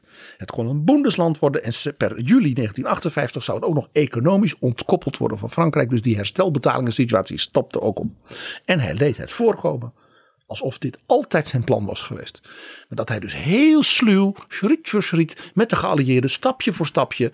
En nu was dus uiteindelijk zijn ragfijnenspel beloond, want Saarland werd Duits. Maar het was dus een geluk bij een ongeluk. Eh, hij, hij heeft het tot een goed einde kunnen brengen. Maar er ging even iets mis. Het was helemaal niet zijn plan geweest zo. Dit, dit, heeft hij, dit, was, dit was spin. Dit was spin van Adenauer op zijn allerbeste. Spin in 1955. Precies. Maar ja, Adenauer had een enorme plus op dat moment. Men geloofde dit. Waarom? Hij had vlak daarvoor in Moskou, in het Kremlin, bij de Sovjetleider Khrushchev onderhandeld. En gezegd, u moet die tienduizenden Duitse krijgsgevangenen die nog in strafkamp in Siberië zaten, die moet u laten gaan. En Khrushchev zei, helemaal niet. Aan het eind van die dagen in Moskou hadden ze een akkoord. En Adenauer kreeg voor elkaar dus dat binnen een paar maanden die tienduizenden natuurlijk helemaal kapotte mensen, ja, helemaal kapot. Dat die dus naar Duitsland terug mochten en hun familie. Die Maar dus een enorme waardering bij een heel groot deel van de- het Duitse volk dat dit gebeurde. En men geloofde dus als Adenauer zei: Dit heb ik altijd gewild. Met die geallieerden, die heb ik zo bewerkt. En de Saar is nu ook Duits. Men geloofde in zijn politiek en onderhandelingsgenie. Politieke tovenaar. Ja. Dus toen op 5 januari 1956 hij dus de Saar terug naar Duitsland zou komen. En hij had al die tienduizenden krijgsgevangenen. Dat was natuurlijk ook een geweldige humanitaire prestatie van, van de oude man. Dus hij werd 5 januari 56 was zijn 80ste verjaardag. Je begrijpt, dat was een gigantisch feest. Huldigingen, ontvangsten. Dat was het hoogtepunt van zijn loopbaan. En op 1 januari 57 reed de officiële Duitse regeringsterrein het Saarland binnen. En stonden de mensen in drommen langs, de, langs het spoor om Adenauer toe te juichen. En die deed net alsof hij dat allemaal zelf zo had gepland. De boef. En, en, en we komen hier allemaal op dus vanwege Peter Altmaier uit de Saar afkomstig. eh, die zelf altijd heel erg benadrukt. dat je goed moet aanvullen wat er, wat er leeft in een land. Dat je met iedereen moet praten. Dat je voortdurend in overleg moet zijn. En dat je moet bemiddelen, dat je Duitsland en Frankrijk bij elkaar moet brengen, dat je Europa bij elkaar moet brengen. Wat, wat Altmaier dus, dus in ons gesprek ook meerdere malen Voortdurend. heel erg benadrukt heeft. Zijn waardering voor Wopke Hoekstra, van op die manier komen we bij elkaar. Dan is er een goede richting gevonden voor een oplossing met de eurozone. Nou, dat, je begrijpt, dat heeft dus heel erg te maken met ja, zijn kinderjaren. Waar hij vandaan komt, de politiek van die christelijke volkspartij, die natuurlijk daarna overging in de CDU. Daar komt hij vandaan. En je snapt dus ook waarom Altmaier zo tegen referenda is. En ook rondom Brexit ook publiekelijk voortdurend roept. Zie nu wat er van komt als Want je referenda doet. In de Saar heeft het referendum een paar keer een hele doorslaggevende rol gespeeld. En daarom ook in zijn gesprek met ons dat hij zei: Ik wil die Britten best nog meer tijd geven. Laat ze bij zinnen komen. Een wijs compromis. Een gematigde oplossing dat we met elkaar weer verder kunnen. In plaats van zo'n verschrikkelijk referendum. Ja, referendum eerst door Hitler gestuurd. Dan weet je van tevoren wat de uitslag wordt. En later volstrekt in, tegen de lijn in die de politici, die de leiders bedacht hadden. Ja. Dus de, de- die, die, die afkeer dat van, oh, doe dat niet bij referenda. Eh, Dat zit dus dat zit, hè, bij Altmaier en, en in Duitsland, ook in de Duitse politiek, heeft natuurlijk daarmee te maken. Ook dat tegenscherpslijperij. Ook het besef onderhuids is er altijd een soort nationalisme waar je maar mee, moet op moet passen. Maar goed, eh, Erich Honecker, de, de dictator later in de DDR. Oscar Lafontaine, die vanuit de SPD steeds linkser werd en naar die linker ging. Die komen ook allebei uit de Saar. Ja, daar zie je dus die populistische traditie. Die dus eh, bij dat tweede referendum ineens, ja, eh, dat iedereen helemaal niet voor het Europese statuut was. Dus die vrees voor scherpslijperij, eh, voor ook dus de risico's van een soort onderhuids nationalistische gevoelens. Wat je ook bij Al- Altmaier hoorde, dat heeft dus echt diepe wortels in de historie van dat kleine en bijzondere Bundesland. Waar hij vandaan komt en waar hij ook in ons gesprek zo trots op is. Over 20, 30 jaar, als betrouwbare bronnen nog steeds bestaat, dan kennen we inmiddels alle Bundesländer. Maar dit was wel een heel bijzondere kennismaking met misschien wel het kleinste, dat moet jij weten, PG, het kleinste Bundesland. Bremen is nog veel kleiner. Oh, Bremen, ja, stad dat, Bremen. dat zie ik altijd als stad Ja, inderdaad. als een stadstaat en Hamburg is ook een stadstaat en die hebben een eigen regering, zoals ook Beieren een eigen regering heeft. En Noord-Rijnland-Westfalen en Hessen en Baden-Württemberg. Waarover ooit meer in betrouwbare bronnen. Dankjewel, PG. Dit was Pieter Gerrit Kroeger.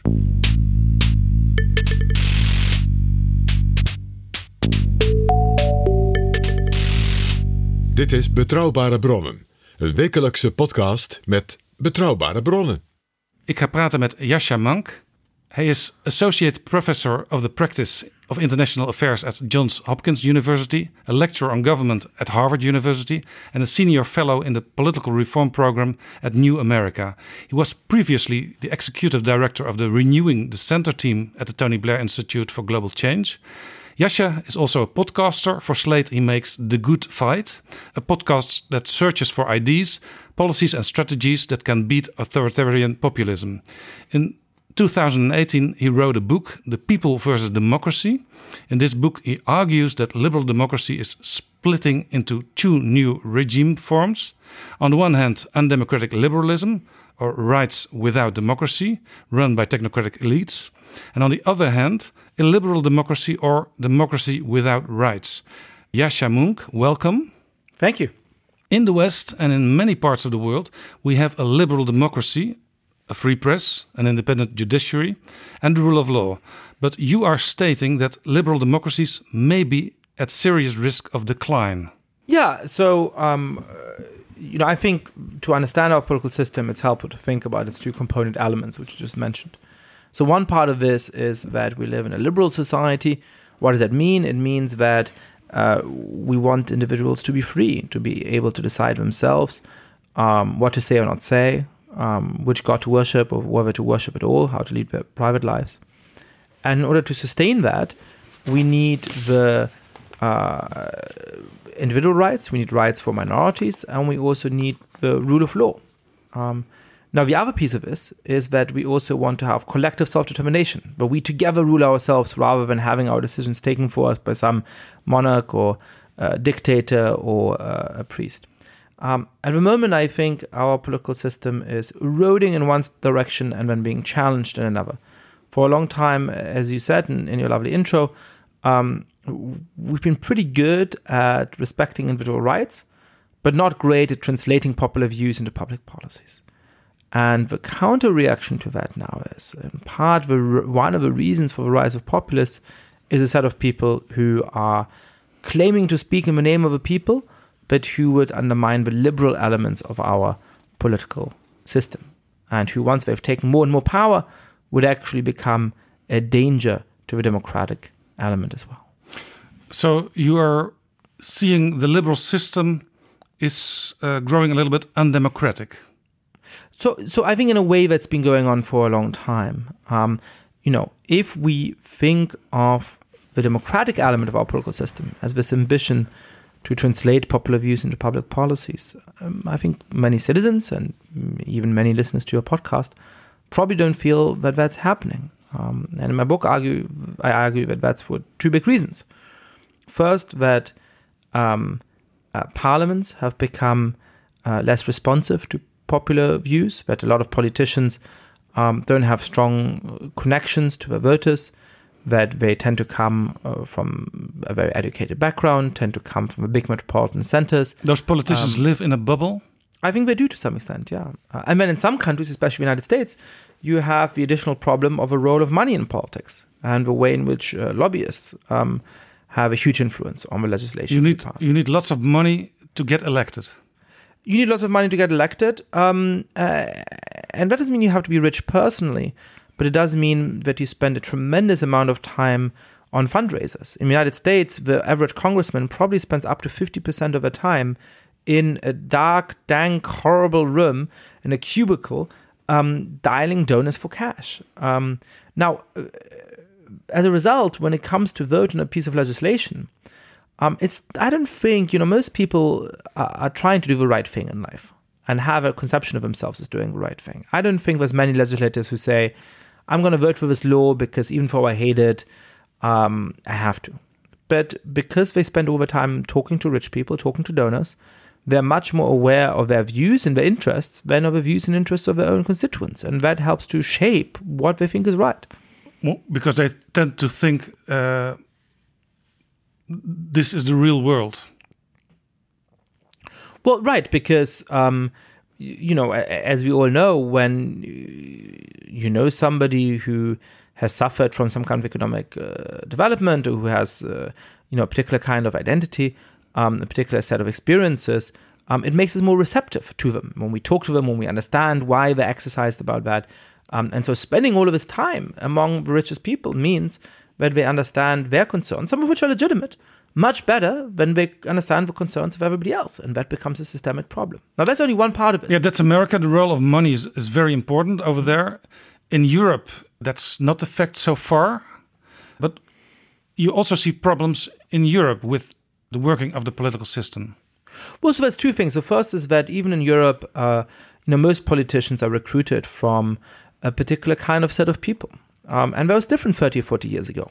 30, 40 years ago, in the Netherlands, in Germany, many other European countries, you still had uh, social democratic uh, parties, most of whose members perhaps came from trade union movements, who had once worked in factories, um, who were exposed to a very different reality. That's not the educational path by which most social democratic MPs in either the Netherlands or in Germany uh, uh, came up today. The same on the center right, where people may have come from villages, they may have been active members of local religious uh, communities. Um, there may have been small businessmen in some town. Today, that's not usually the path of younger deputies who are on the center right. They are people who studied law at good universities, lived in the capital, worked in uh, finance or in law or perhaps in politics. So, again, there's a bigger distance to ordinary people. Um, but the other piece of all of this, and that's the same in the United States and, and in Europe in slightly different forms, but it's essentially the same story, um, is that a lot of decisions have been taken out of ordinary politics altogether. So a lot of decisions are no longer taken in the parliament. They are taken by independent central banks, by uh, supreme courts with tremendous power, um, by independent agencies, whether it's something like the Environmental Protection Agency in the United States or something like the European Commission in Europe. Um, by international trade treaties, by international organizations. And you take all of those things together, and it's understandable why a lot of citizens are saying, you know what, nobody is really listening to me anyway.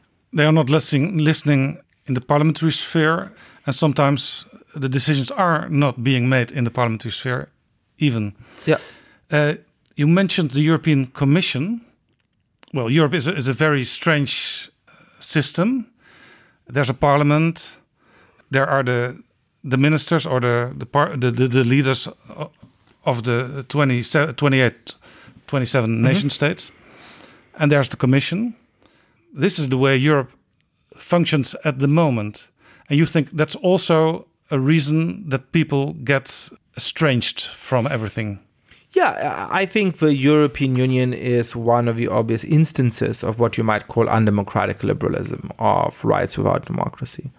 Um, it's hard uh, to argue that most Europeans feel um, like they have a lot of influence uh, on the European level or that they follow what's happening there in much detail. Um, or that the decisions of those various institutions in a direct way flow from their preferences. Um, now, I also want to emphasize that uh, uh, the EU is in some ways only the most obvious face of this.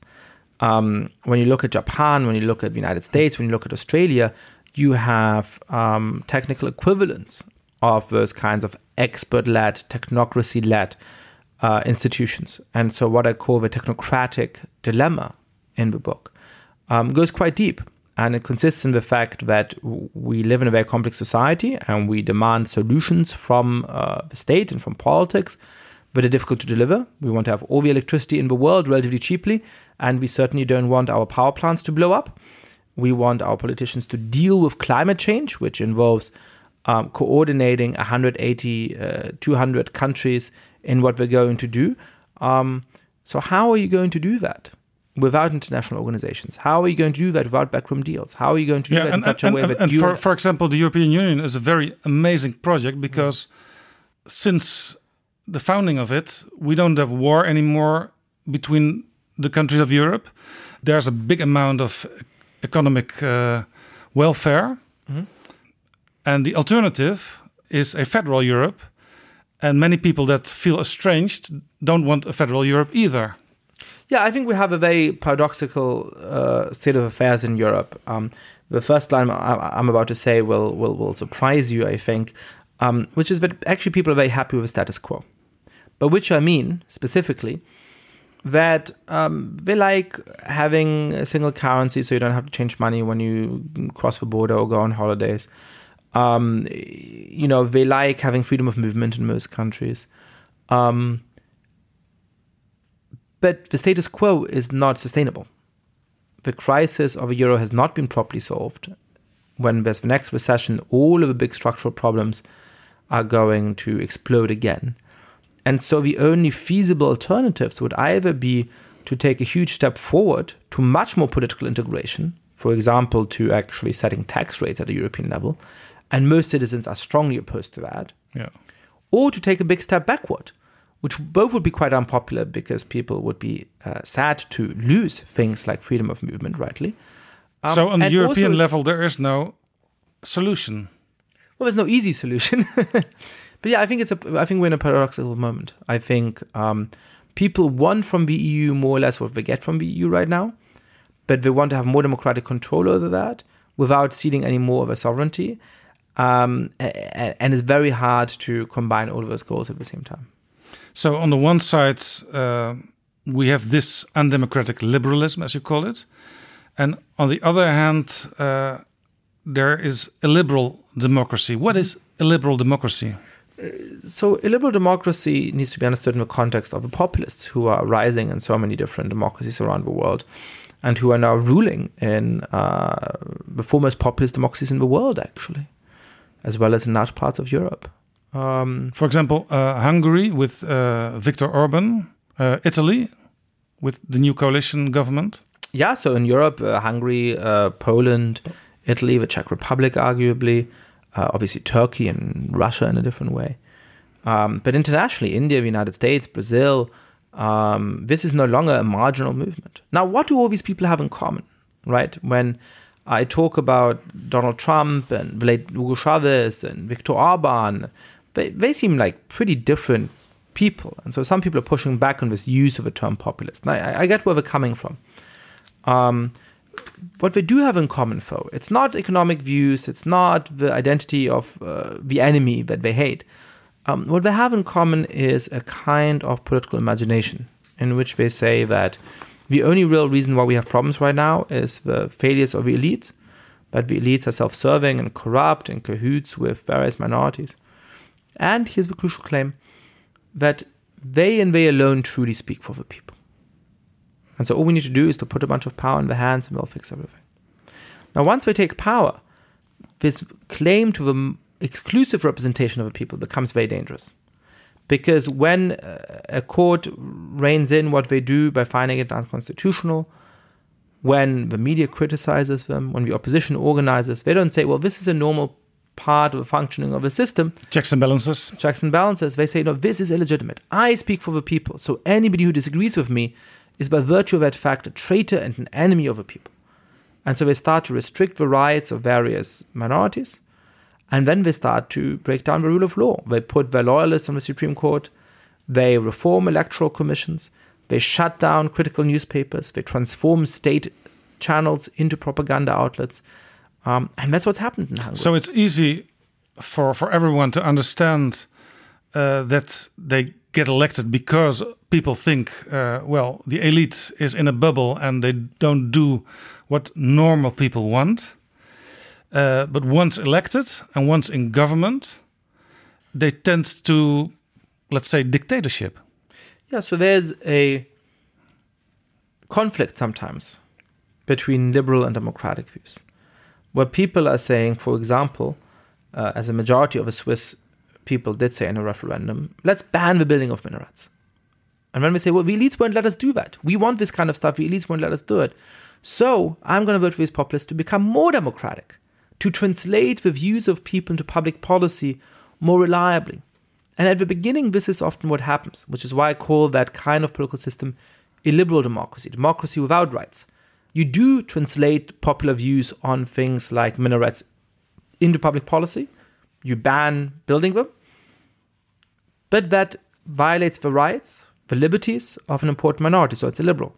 Now, the problem is this once that goes along far enough, once you have abolished the independence of the Supreme Court, once you've turned media outlets into propaganda, once you've reformed the electoral system, the democratic element will start to go away as well. Because suddenly it's no longer possible to remove a democratically elected president or prime minister by democratic means. That's where we're now at in Hungary. The country has gone from more or less a liberal democracy to an illiberal democracy towards essentially an, elected, an elected dictatorship. Yeah. Um, in this very episode of uh, my podcast, I earlier spoke with uh, Red Betom. She's the chairwoman of the Christian Democrats in Holland. Mm -hmm. uh, and in the European Parliament, her party is working together with uh, Fidesz of Viktor Orban. And she says having them in is better to influence them, and the urban era once will pass. Yeah, that is um, shameful claptrap. It is the rationalization of somebody who doesn't have the guts or the decency to stand by the most basic values and therefore tells you tall tales about how the blatant enabling of a dictator is supposedly in the service of uh, grand ideals. Um, it, Hungary, according to Freedom House, is no longer a free country. According to the OSCE, the elections last year were not free and fair. The country has pushed out an independent um, university, so it is obvious that you no longer have freedom of speech. And to uh, tolerate the party of a dictator as part of uh, uh, a relatively uh, supposedly moderate center right is uh, to um, be friends with a dictator in the heart of Europe. And uh, she should be ashamed for that, and every other member of the EPP, including Manfred Weber, should be ashamed of that.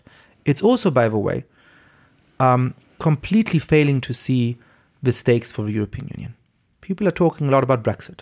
As somebody who's lived in Britain, I care about Brexit. I'm sad to see Britain leave the European Union.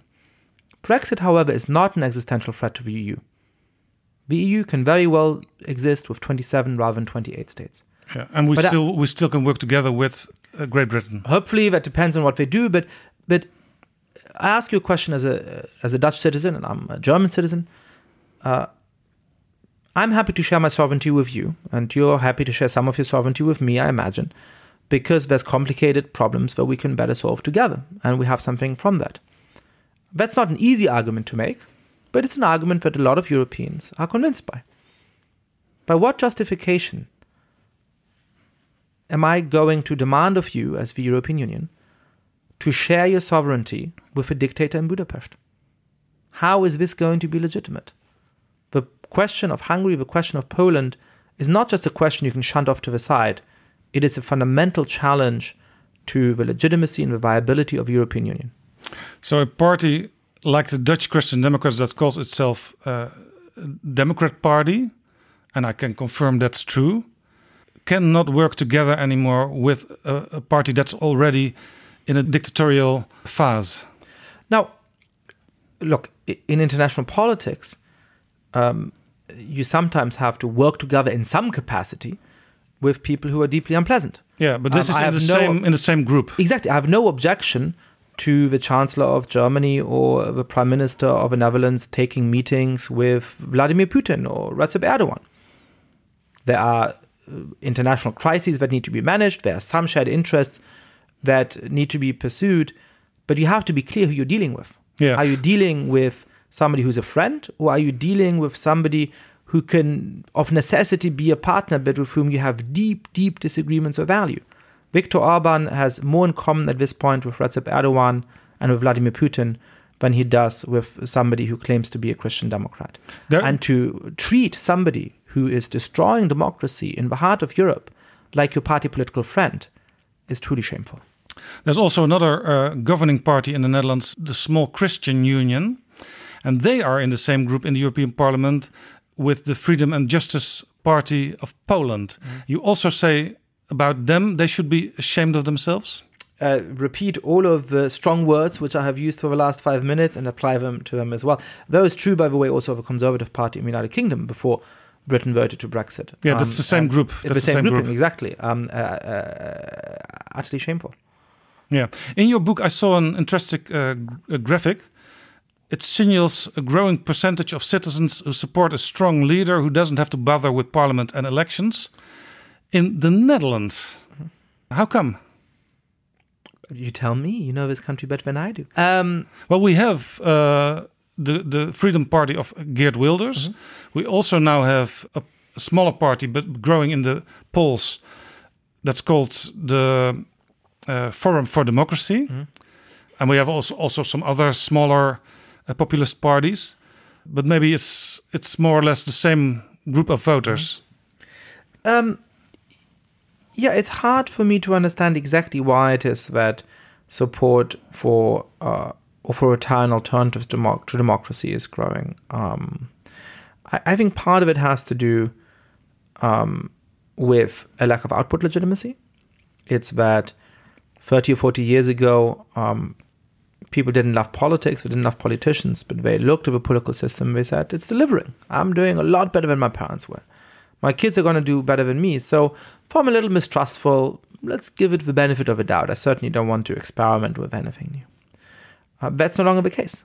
Um, people don't feel like the system is delivering for them. And so a lot more of them are willing to say, there's some strong guy who comes in and promises to fix all of that. Perhaps that's worth a try. That's, that's one factor. Another factor, I think, has to do with uh, the lived reality of autocratic regimes receding uh, from our memory more and more. When I speak to young people about democracy, a lot of them say, well, let's try something new. What do we have to lose? To anybody who's lived through fascism, for anybody who has understood the threat of communism um, and the suffering under communist regimes not far from here uh, 30 years ago, Yeah. uh, that line would seem bizarre. For young people, uh, only their grandparents might have experienced uh, the, the 1930s, but Not even mostly of, as a Yeah. child. Yeah, yeah, exactly. And so, um, so the uh, in German we say Berührungsangst, this sort of uh, fear of what it might mean uh, has become a lot less visceral, and that uh, leads to a new opening for those kinds of political forces. And well, then the question must be what's the remedy of all those problems? In your book, you write nationalism is a half wild, half domesticated animal. We have little choice but to domesticate it as best we can. How do we domesticate nationalism? Well, it's not easy, but but but here's why I say that, which is that uh, you know I grew up with a temptation. A lot of people, I think, have a temptation of trying to overcome nationalism altogether, of saying it cruelly shaped the 20th century. Um, uh, as people That's also the idea of the European Union Exactly. Yeah. to overcome nationalism. Well, I don't know that it was originally the idea of the European Union. I think it depends on how you interpret it. Um, that's one kind of hope that some people have invested in the European Union for. I think there's an alternative tradition of how to interpret and understand it, which is important. Um, but uh, I think that idea of leaving nationalism behind altogether is unfortunately illusory, as we've seen over the last 25 years. In whichever country you look at, you see these resurgent forms of insistent nationalism. Uh, and because the reasonable people have left the field completely to the worst kinds of interpreters of nationalism, Yeah, in Holland we, we sometimes hear, well, this doesn't match with Dutch tradition. But tradition is also a thing that lives and grows. Right, and so the question is, how do you make, how do you argue against that? If you say it's Dutch tradition to ban the Quran, it's the tradition of some Dutch politicians to want to ban the Quran at least. Um, how do you answer to that? One way is to say, oh, you're a horrible nationalist and you're all about what it is to be Dutch, um, and we're Europeans and universalists and we disagree with you. With that, you win probably 80% of the people who listen to your podcast, and 70% of the people who live in Amsterdam, and 60% of the people who have a university degree, but you don't win the bulk of the population. I think the right answer is to say, well, what is Dutch tradition? Dutch tradition is the Dutch Republic. Dutch tradition is to be tolerant. Dutch tradition is to ensure that people who live here can follow their own conscience. And so banning the Quran is entirely un-Dutch. It goes against what the right understanding of our nation is. I think that's a more powerful argument. So you can go back to your your historic roots, back to 400, 200, 100 years ago, and there were things happening on your soil that still that still can be pretty much of worth for living together. Yeah, absolutely. So, uh, you know, in the United States, the question of how to talk about American history is very alive.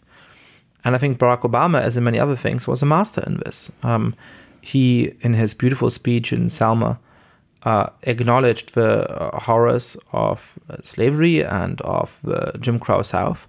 But he also emphasized that a defining part of the American story was different ethnicities, different religions, uh, working together to overcome that injustice. Yeah. And I- Selma is a symbol saw- of both of those yeah. things at the same time. I saw a beautiful quote in your book, not not from Obama. It was the quote: "We came in different boats, but now we are in one boat together." Right. Yeah, it's the idea that, uh, you know, in a, in a European context, uh, Emmanuel Macron, for all of his flaws and complications, uh, put that very well in a campaign speech. He was in Marseille and he was saying, Look, I look into this audience and I see people from all different parts of the country, all different skin colors.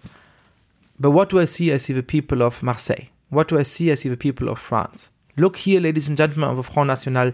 This is what it looks like to be proud to be French. So, I no, think no one excluded everyone in front of me, the people of Marseille.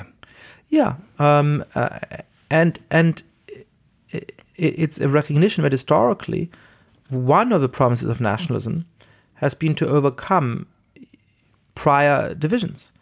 Um, that should be obvious in benevolence. Um, it's going from the village, it's going from your family, it's going from your own ethnicity, and it's going from your own religion to a sense of nationhood. And benevolence has been a deeply religiously divided society in which Catholics and Protestants killed each other in many periods of the country's history. And part of the project of nationalism has been to give them something they can be together in such a way as to attenuate the fight between Protestants and Catholics. Yeah, can, can, can you say it's a, it's a kind of uh, Heimat feeling? I think that's part of it. Yeah, uh, and, and it's funny that the people who are very resistant to the idea of any form of benign nationalism often are perfectly happy to celebrate a benign feeling of Heimat in a city. Right? Uh, friends of mine who are proud New Yorkers and who recognize that New York is different from Los Angeles Yeah, yeah. and, in, in- don't want to say that they're proud Americans and that there's something different about being American from being German. In Amsterdam, we sometimes uh, talk about the, the Republic of Amsterdam. Right. So, so I think uh, there, there is a Republic of Amsterdam. Our uh, identities are overlapping, but there's also a Republic of the Netherlands, and that's exactly why an inclusive nationalism also doesn't have to be in competition with a feeling of being European. Uh, the people who want to build the European Union on a denial of nationalism are, ma- are putting Europe in competition with people's patriotic feelings. And if that's what you're going to do, you will lose if you're going to say you can be a proud Amsterdamer and you can be a proud Catholic or a proud Muslim and you can be Dutch and you can be European at the same time, uh, that I think is a more realistic way of dealing with that half domesticated beast. I'm not saying that if I couldn't have uh, flip a switch and every human being cared as much about every other human being, no matter where they are in the world, that there wouldn't be a better world. Perhaps it would be. Perhaps it would be. But that's not the creatures we are. That's not uh, anywhere close to where we are. And so I think fighting to domesticate the dangerous beast of nationalism is a better way forward than leaving all of its resonance, all of its force to the worst kinds of people.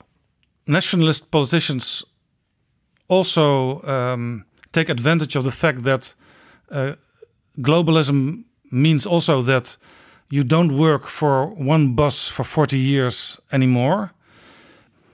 They take advantage of the influx of immigrants, uh, which which can lead to to racist things.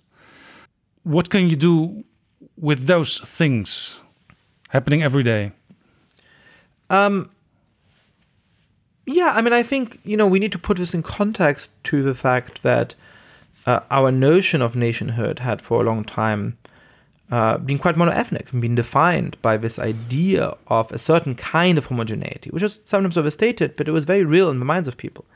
If you had asked somebody in the streets of Utrecht uh, in 1960 who really is Dutch, they would have said, well, somebody whose family, whose parents and grandparents come from this part of the world, somebody who shares my ethnicity, and so on. Um, now, thankfully, we've started to overcome that and to challenge that in, in, in important ways.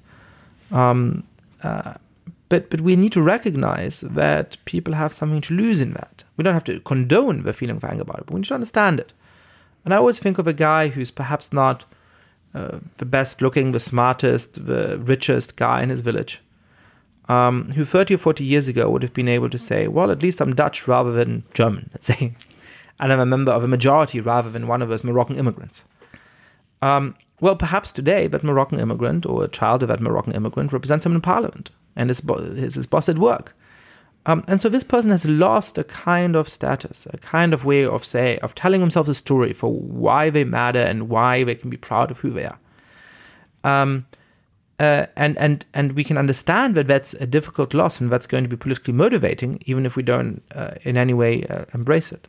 Uh, this week, um, uh, Thierry Baudet, he's one of the, the populists in parliament, twittered, well, uh, it, has, it has to be done with uh, immigration. There are already f- 4 million immigrants in Holland. I, I don't know what this, this, this amount of people uh, comes from, but uh, then I remembered uh, his name is Baudet. That's, that's a French sounding name. Right.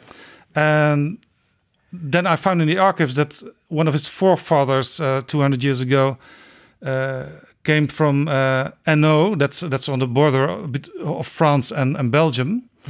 Um, he, he, di- he didn't want to go into the military of Napoleon, so he came to Holland. So one of his forefathers Yeah, yeah. also was a, a, a migrant, and I tweeted that, and his followers were very angry on it. Yeah, because it it it, it complicates this uh, uh, idea of homogeneity that people have that the nations were once homogeneous. Now, look, uh, I think to some extent that idea has always been wrong, but to some extent it's clear that we've had much more immigration recently than we have had historically, um, and from uh, further flung parts of the world. Um, So, so to some extent, that idea of homogeneity was always imagined. Um, but relative to today, uh, there was some truth in it. Um, and so uh, making a multi ethnic society work is more difficult in some ways than making a mono ethnic society work. Um, and there's a real risk that it can't be done. Um, but given that our societies are already multi ethnic, given that there's probably not 4 million uh, uh, immigrants in the Netherlands, but there's a good number.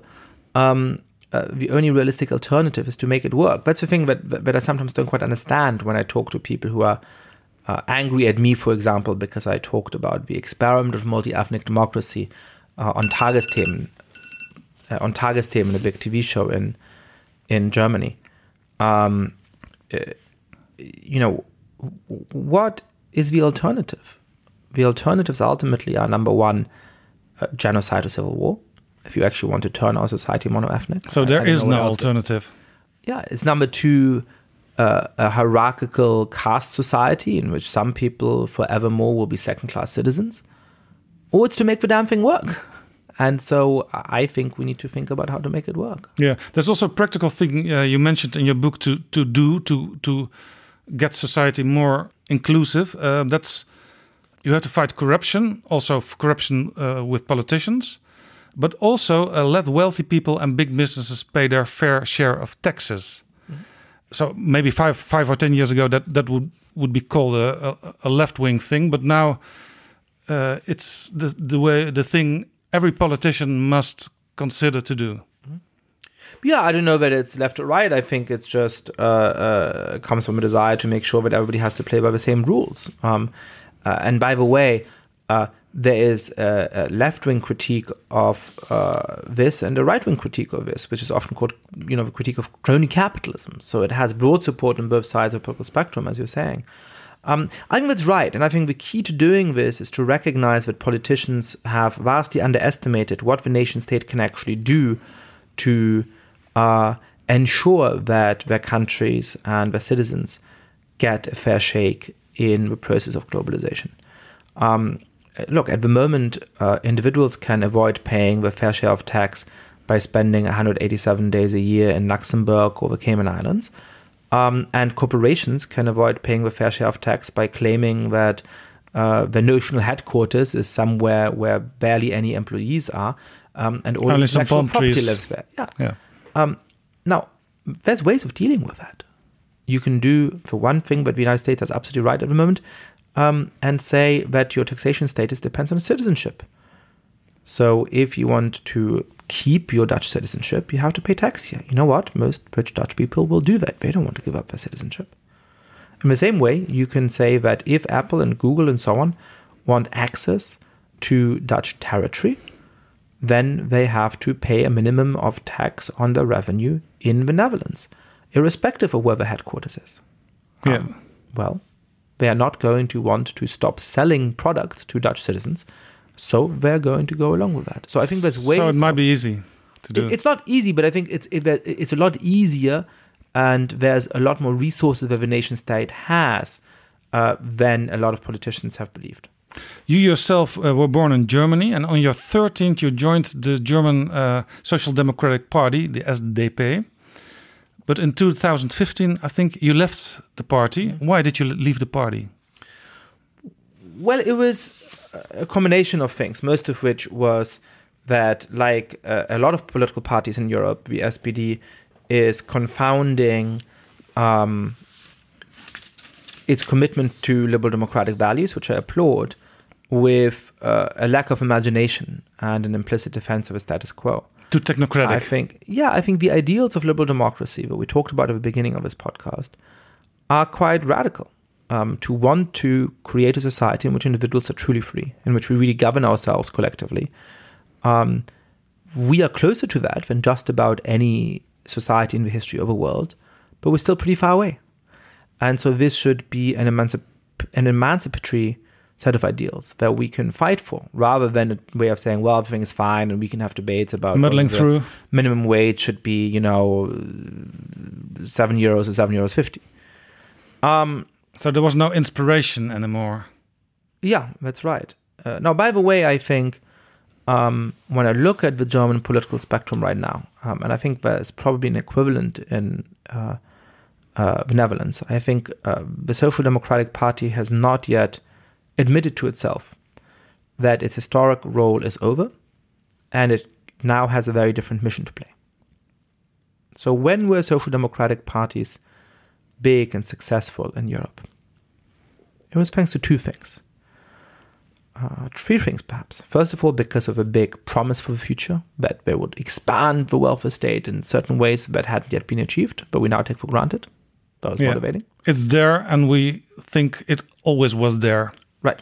Um, secondly, because uh, the main dividing line of society was economic rather than cultural and social. Uh, and that allowed social democratic parties to build a coalition between uh, upper middle class people in cities like Amsterdam and workers in a lot of industrial towns, like Rotterdam, for example. Um, and third, there was a biographical link. A lot of the teachers in Amsterdam had parents who might have been factory workers in Rotterdam. Um, those conditions aren't in place anymore. And so, as a result, social democratic parties are seeing each half of their electorate run away to the competition. One half is running away to green parties, to parties like D66. Um, the other half is running away to the populists. Yes, sure. Um, so, what should social democratic parties be doing right now? Well, at the moment, they're trying to somehow keep the balance and we're, losing on both counts. Yeah, the question is how to uh, bring all those people together again. No, that's exactly the wrong question. You will never bring those people together again. And by the way, it's fine if some of those people end up with the Green Party with D66. Those parties aren't deeply inimical to social democratic ideals. Yeah, So the- what? So what could the social democratic party, parties actually do in order to help stabilize our democracies and make sure that populists don't take over? It's to take the fight to the populists to try and keep their voters loyal, not by emulating the populists, but by making a real alternative, principled offer to them. Give up on the people who will vote for democratic parties anyway and actually go after the people who are making a decision whether to vote for the populists. There are very few people in this country who are deciding between voting for the Green Party and voting for Wilders. There's practically nobody in Germany who's deciding between voting for the Green Party and voting for the AFD. Stop going after those voters. That's not your historical mission. If social democracy cares about rescuing liberal democracy, as it courageously did in the 20s and 30s, it should be offering a real alternatives to the kind of working people whose parents were loyal voters for the SPD, for the Social Democrats, and trying to make sure that they don't go after the populists. That's not going to be a glamorous task. It's not going to allow them to go back to 35, 40%, but it will actually help to stabilize our democracies. So the, the Social Democrats have to try to take off the masks of the the, the populist parties, and um, in a way that people see they don't can deliver on their promises. Well, that's part of it, but we also have to take the concern seriously. So I was uh, doing a lot of reporting over the last months for um, long piece in the New Yorker on uh, refugees and some uh, high-profile murder cases, and the way in which the far right exploits them. Uh, and one of the ways things that I was struck by is, first of all, how skilled the far right has become at exploiting these uh, cases in quite a cynical manner. But secondly, um, the extent to which the authorities had some very real failings in those cases. For ways in which, um, you know, uh, one of the refugees who ended up murdering a young German girl had committed uh, uh, a series of crimes. He had spat at a policewoman. He had robbed a man at gunpoint. He had raped an 11 year old girl. And the police didn't do anything, didn't identify him. Uh, they knew there was four suspects in the rape case. They didn't interview any of those suspects. Um, well, that makes it easy for the populists Yeah. to exploit it. And you can have a hard nosed policy about those kinds of things that will reassure a, a, a, a worried proletariat in industrial towns without starting to emulate the populists, without saying we should ban the Quran, without starting to have xenophobic rhetoric. You can actually say, we live in these towns, we know the reality in those towns, and we're going to be the first people to point out when there's problems and actually fight to resolve them. Show the people that you are one of them. Yeah, that, that you, you actually understand them. understand their concerns and that you have solutions for them that don't require us uh, giving up on our most fundamental values. Yeah. This talk will be in uh, episode number 23 of my podcast. Ah, very good. In episode number 9, a former ideologue of the Dutch Social Democratic Party, the PvdA, uh, Joop van den Berg, he says, when this party isn't able anymore to bring together the working class and the intellectual elite, then she loses the right to exist. But if I understand you in a right way, that's old-fashioned thinking. Yeah, I mean, well, I mean, uh, clearly he's made his choice. He would prefer to stop existing than to actually make a contribution to our very real political crisis. So have fun with that. Hmm. You were born in, in Germany. You became an American citizen in 2017. Why did you do that? Uh, for a number of reasons. I, I've been Practical living reasons? in partially. I've been living in the United States for a long time, and um, there's all kinds of practical benefits of being a citizen. Um, uh, But but you but you started to to become American after the election of Donald Trump. Well, I uh, yes and no. I mean, I had decided to become a citizen earlier, and I actually put in the application earlier. It's true that I was inaugurated as a citizen uh, once Trump had taken office, and so there was a political element to that. Uh, one of the there's a beautiful uh, citizenship ceremony, which is a, a, a perfect example of inclusive patriotism in action. Um, We we introduced a little bit a few years ago in Holland too. Yeah, and I think that's that's very positive. It gives people a sense of pride in their citizenship, and it celebrates their diversity while also celebrating them becoming one, them becoming part of the same political uh, tribe as it were. I think that's very important. E pluribus unum. Absolutely. Um, now, uh, uh, one of the things you have to do is to swear to defend the Constitution against all enemies, foreign and domestic. Um, and it was uh, a a point of pride for me to swear that uh, briefly after the uh, election of Donald Trump. Um, and, and to be able in the fight for democratic values to speak of us and we rather than say you Americans should be doing this. And I think citizenship allows you to do that. Um, uh, and the third thing is that for all of the deep racial injustices in America's history and its ongoing uh, deep racial tensions, um, I think America is in certain respects closer to being a lived example of a multi-ethnic society than anywhere else, and so I More than Europe. part of that. Uh, yeah, in certain respects, I think so. In your book, Donald Trump is is one of those uh, autocratic politicians. Do you expect he will be he will he will he will be he will get reelected at the end of 2020? Probably not. His uh, approval ratings have been underwater since briefly after he uh, uh, moved into the White House. Um, he suffered a, a very serious defeat in 2018, which has been uh, misunderstood and underestimated in some European media outlets. Um, uh, Because of the House of Representatives? A- result? and the Senate as well. I mean, in the Senate, uh, uh, you know, the, the, the, only a third of the seats in the Senate are up for election uh, each two years. Um, and it so happened because uh, uh, the elections in 2012 had been a great success for Democrats, that they held a few Senate seats in deeply Republican territory. Um, so it was a very, very uphill struggle. Um, they won 26 out of 33 races in the Senate. That is an amazing victory, even if it meant that they lost a couple of seats because of how unfavorable the map was to them. Uh, and they had many more votes in the popular vote for the Senate. So, so, so I think it's it's it's a, it's a fuller victory than people realized. Now the problem is that in 2018, uh, Demo- uh, Donald Trump ran against the um, uh, generic Democrat. He didn't have an opponent. Um, that's an advantage and a disadvantage. Um, a good political candidate widens their coalition. A bad one narrows it.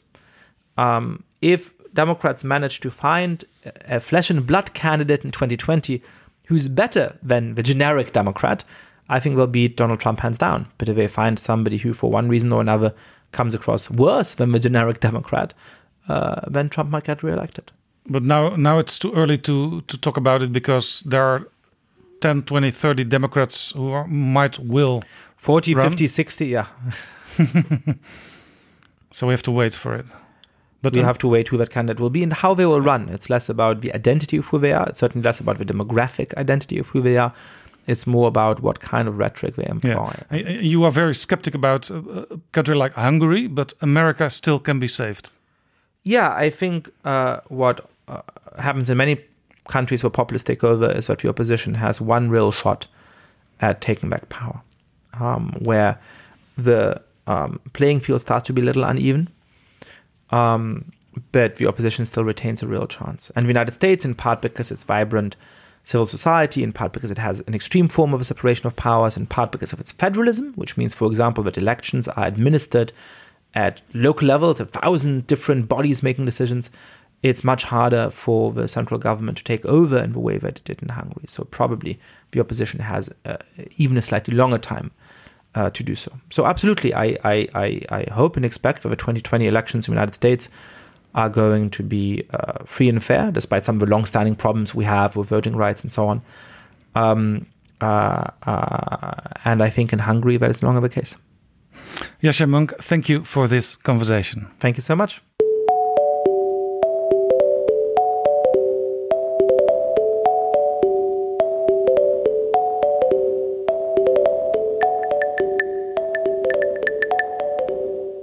Zo, dit was aflevering 23 van Betrouwbare Bronnen. Als je het interessant vond, vertel het dan op Twitter of op de Facebookpagina van Betrouwbare Bronnen. Deze week vroeg iemand me of de podcast ook op Spotify te beluisteren is. Ja hoor, ook daar zitten we. Dankjewel voor het luisteren. Fijn dat je erbij was. Tot ziens ergens in het land, misschien op een politieke bijeenkomst of gewoon weer in de volgende aflevering van Betrouwbare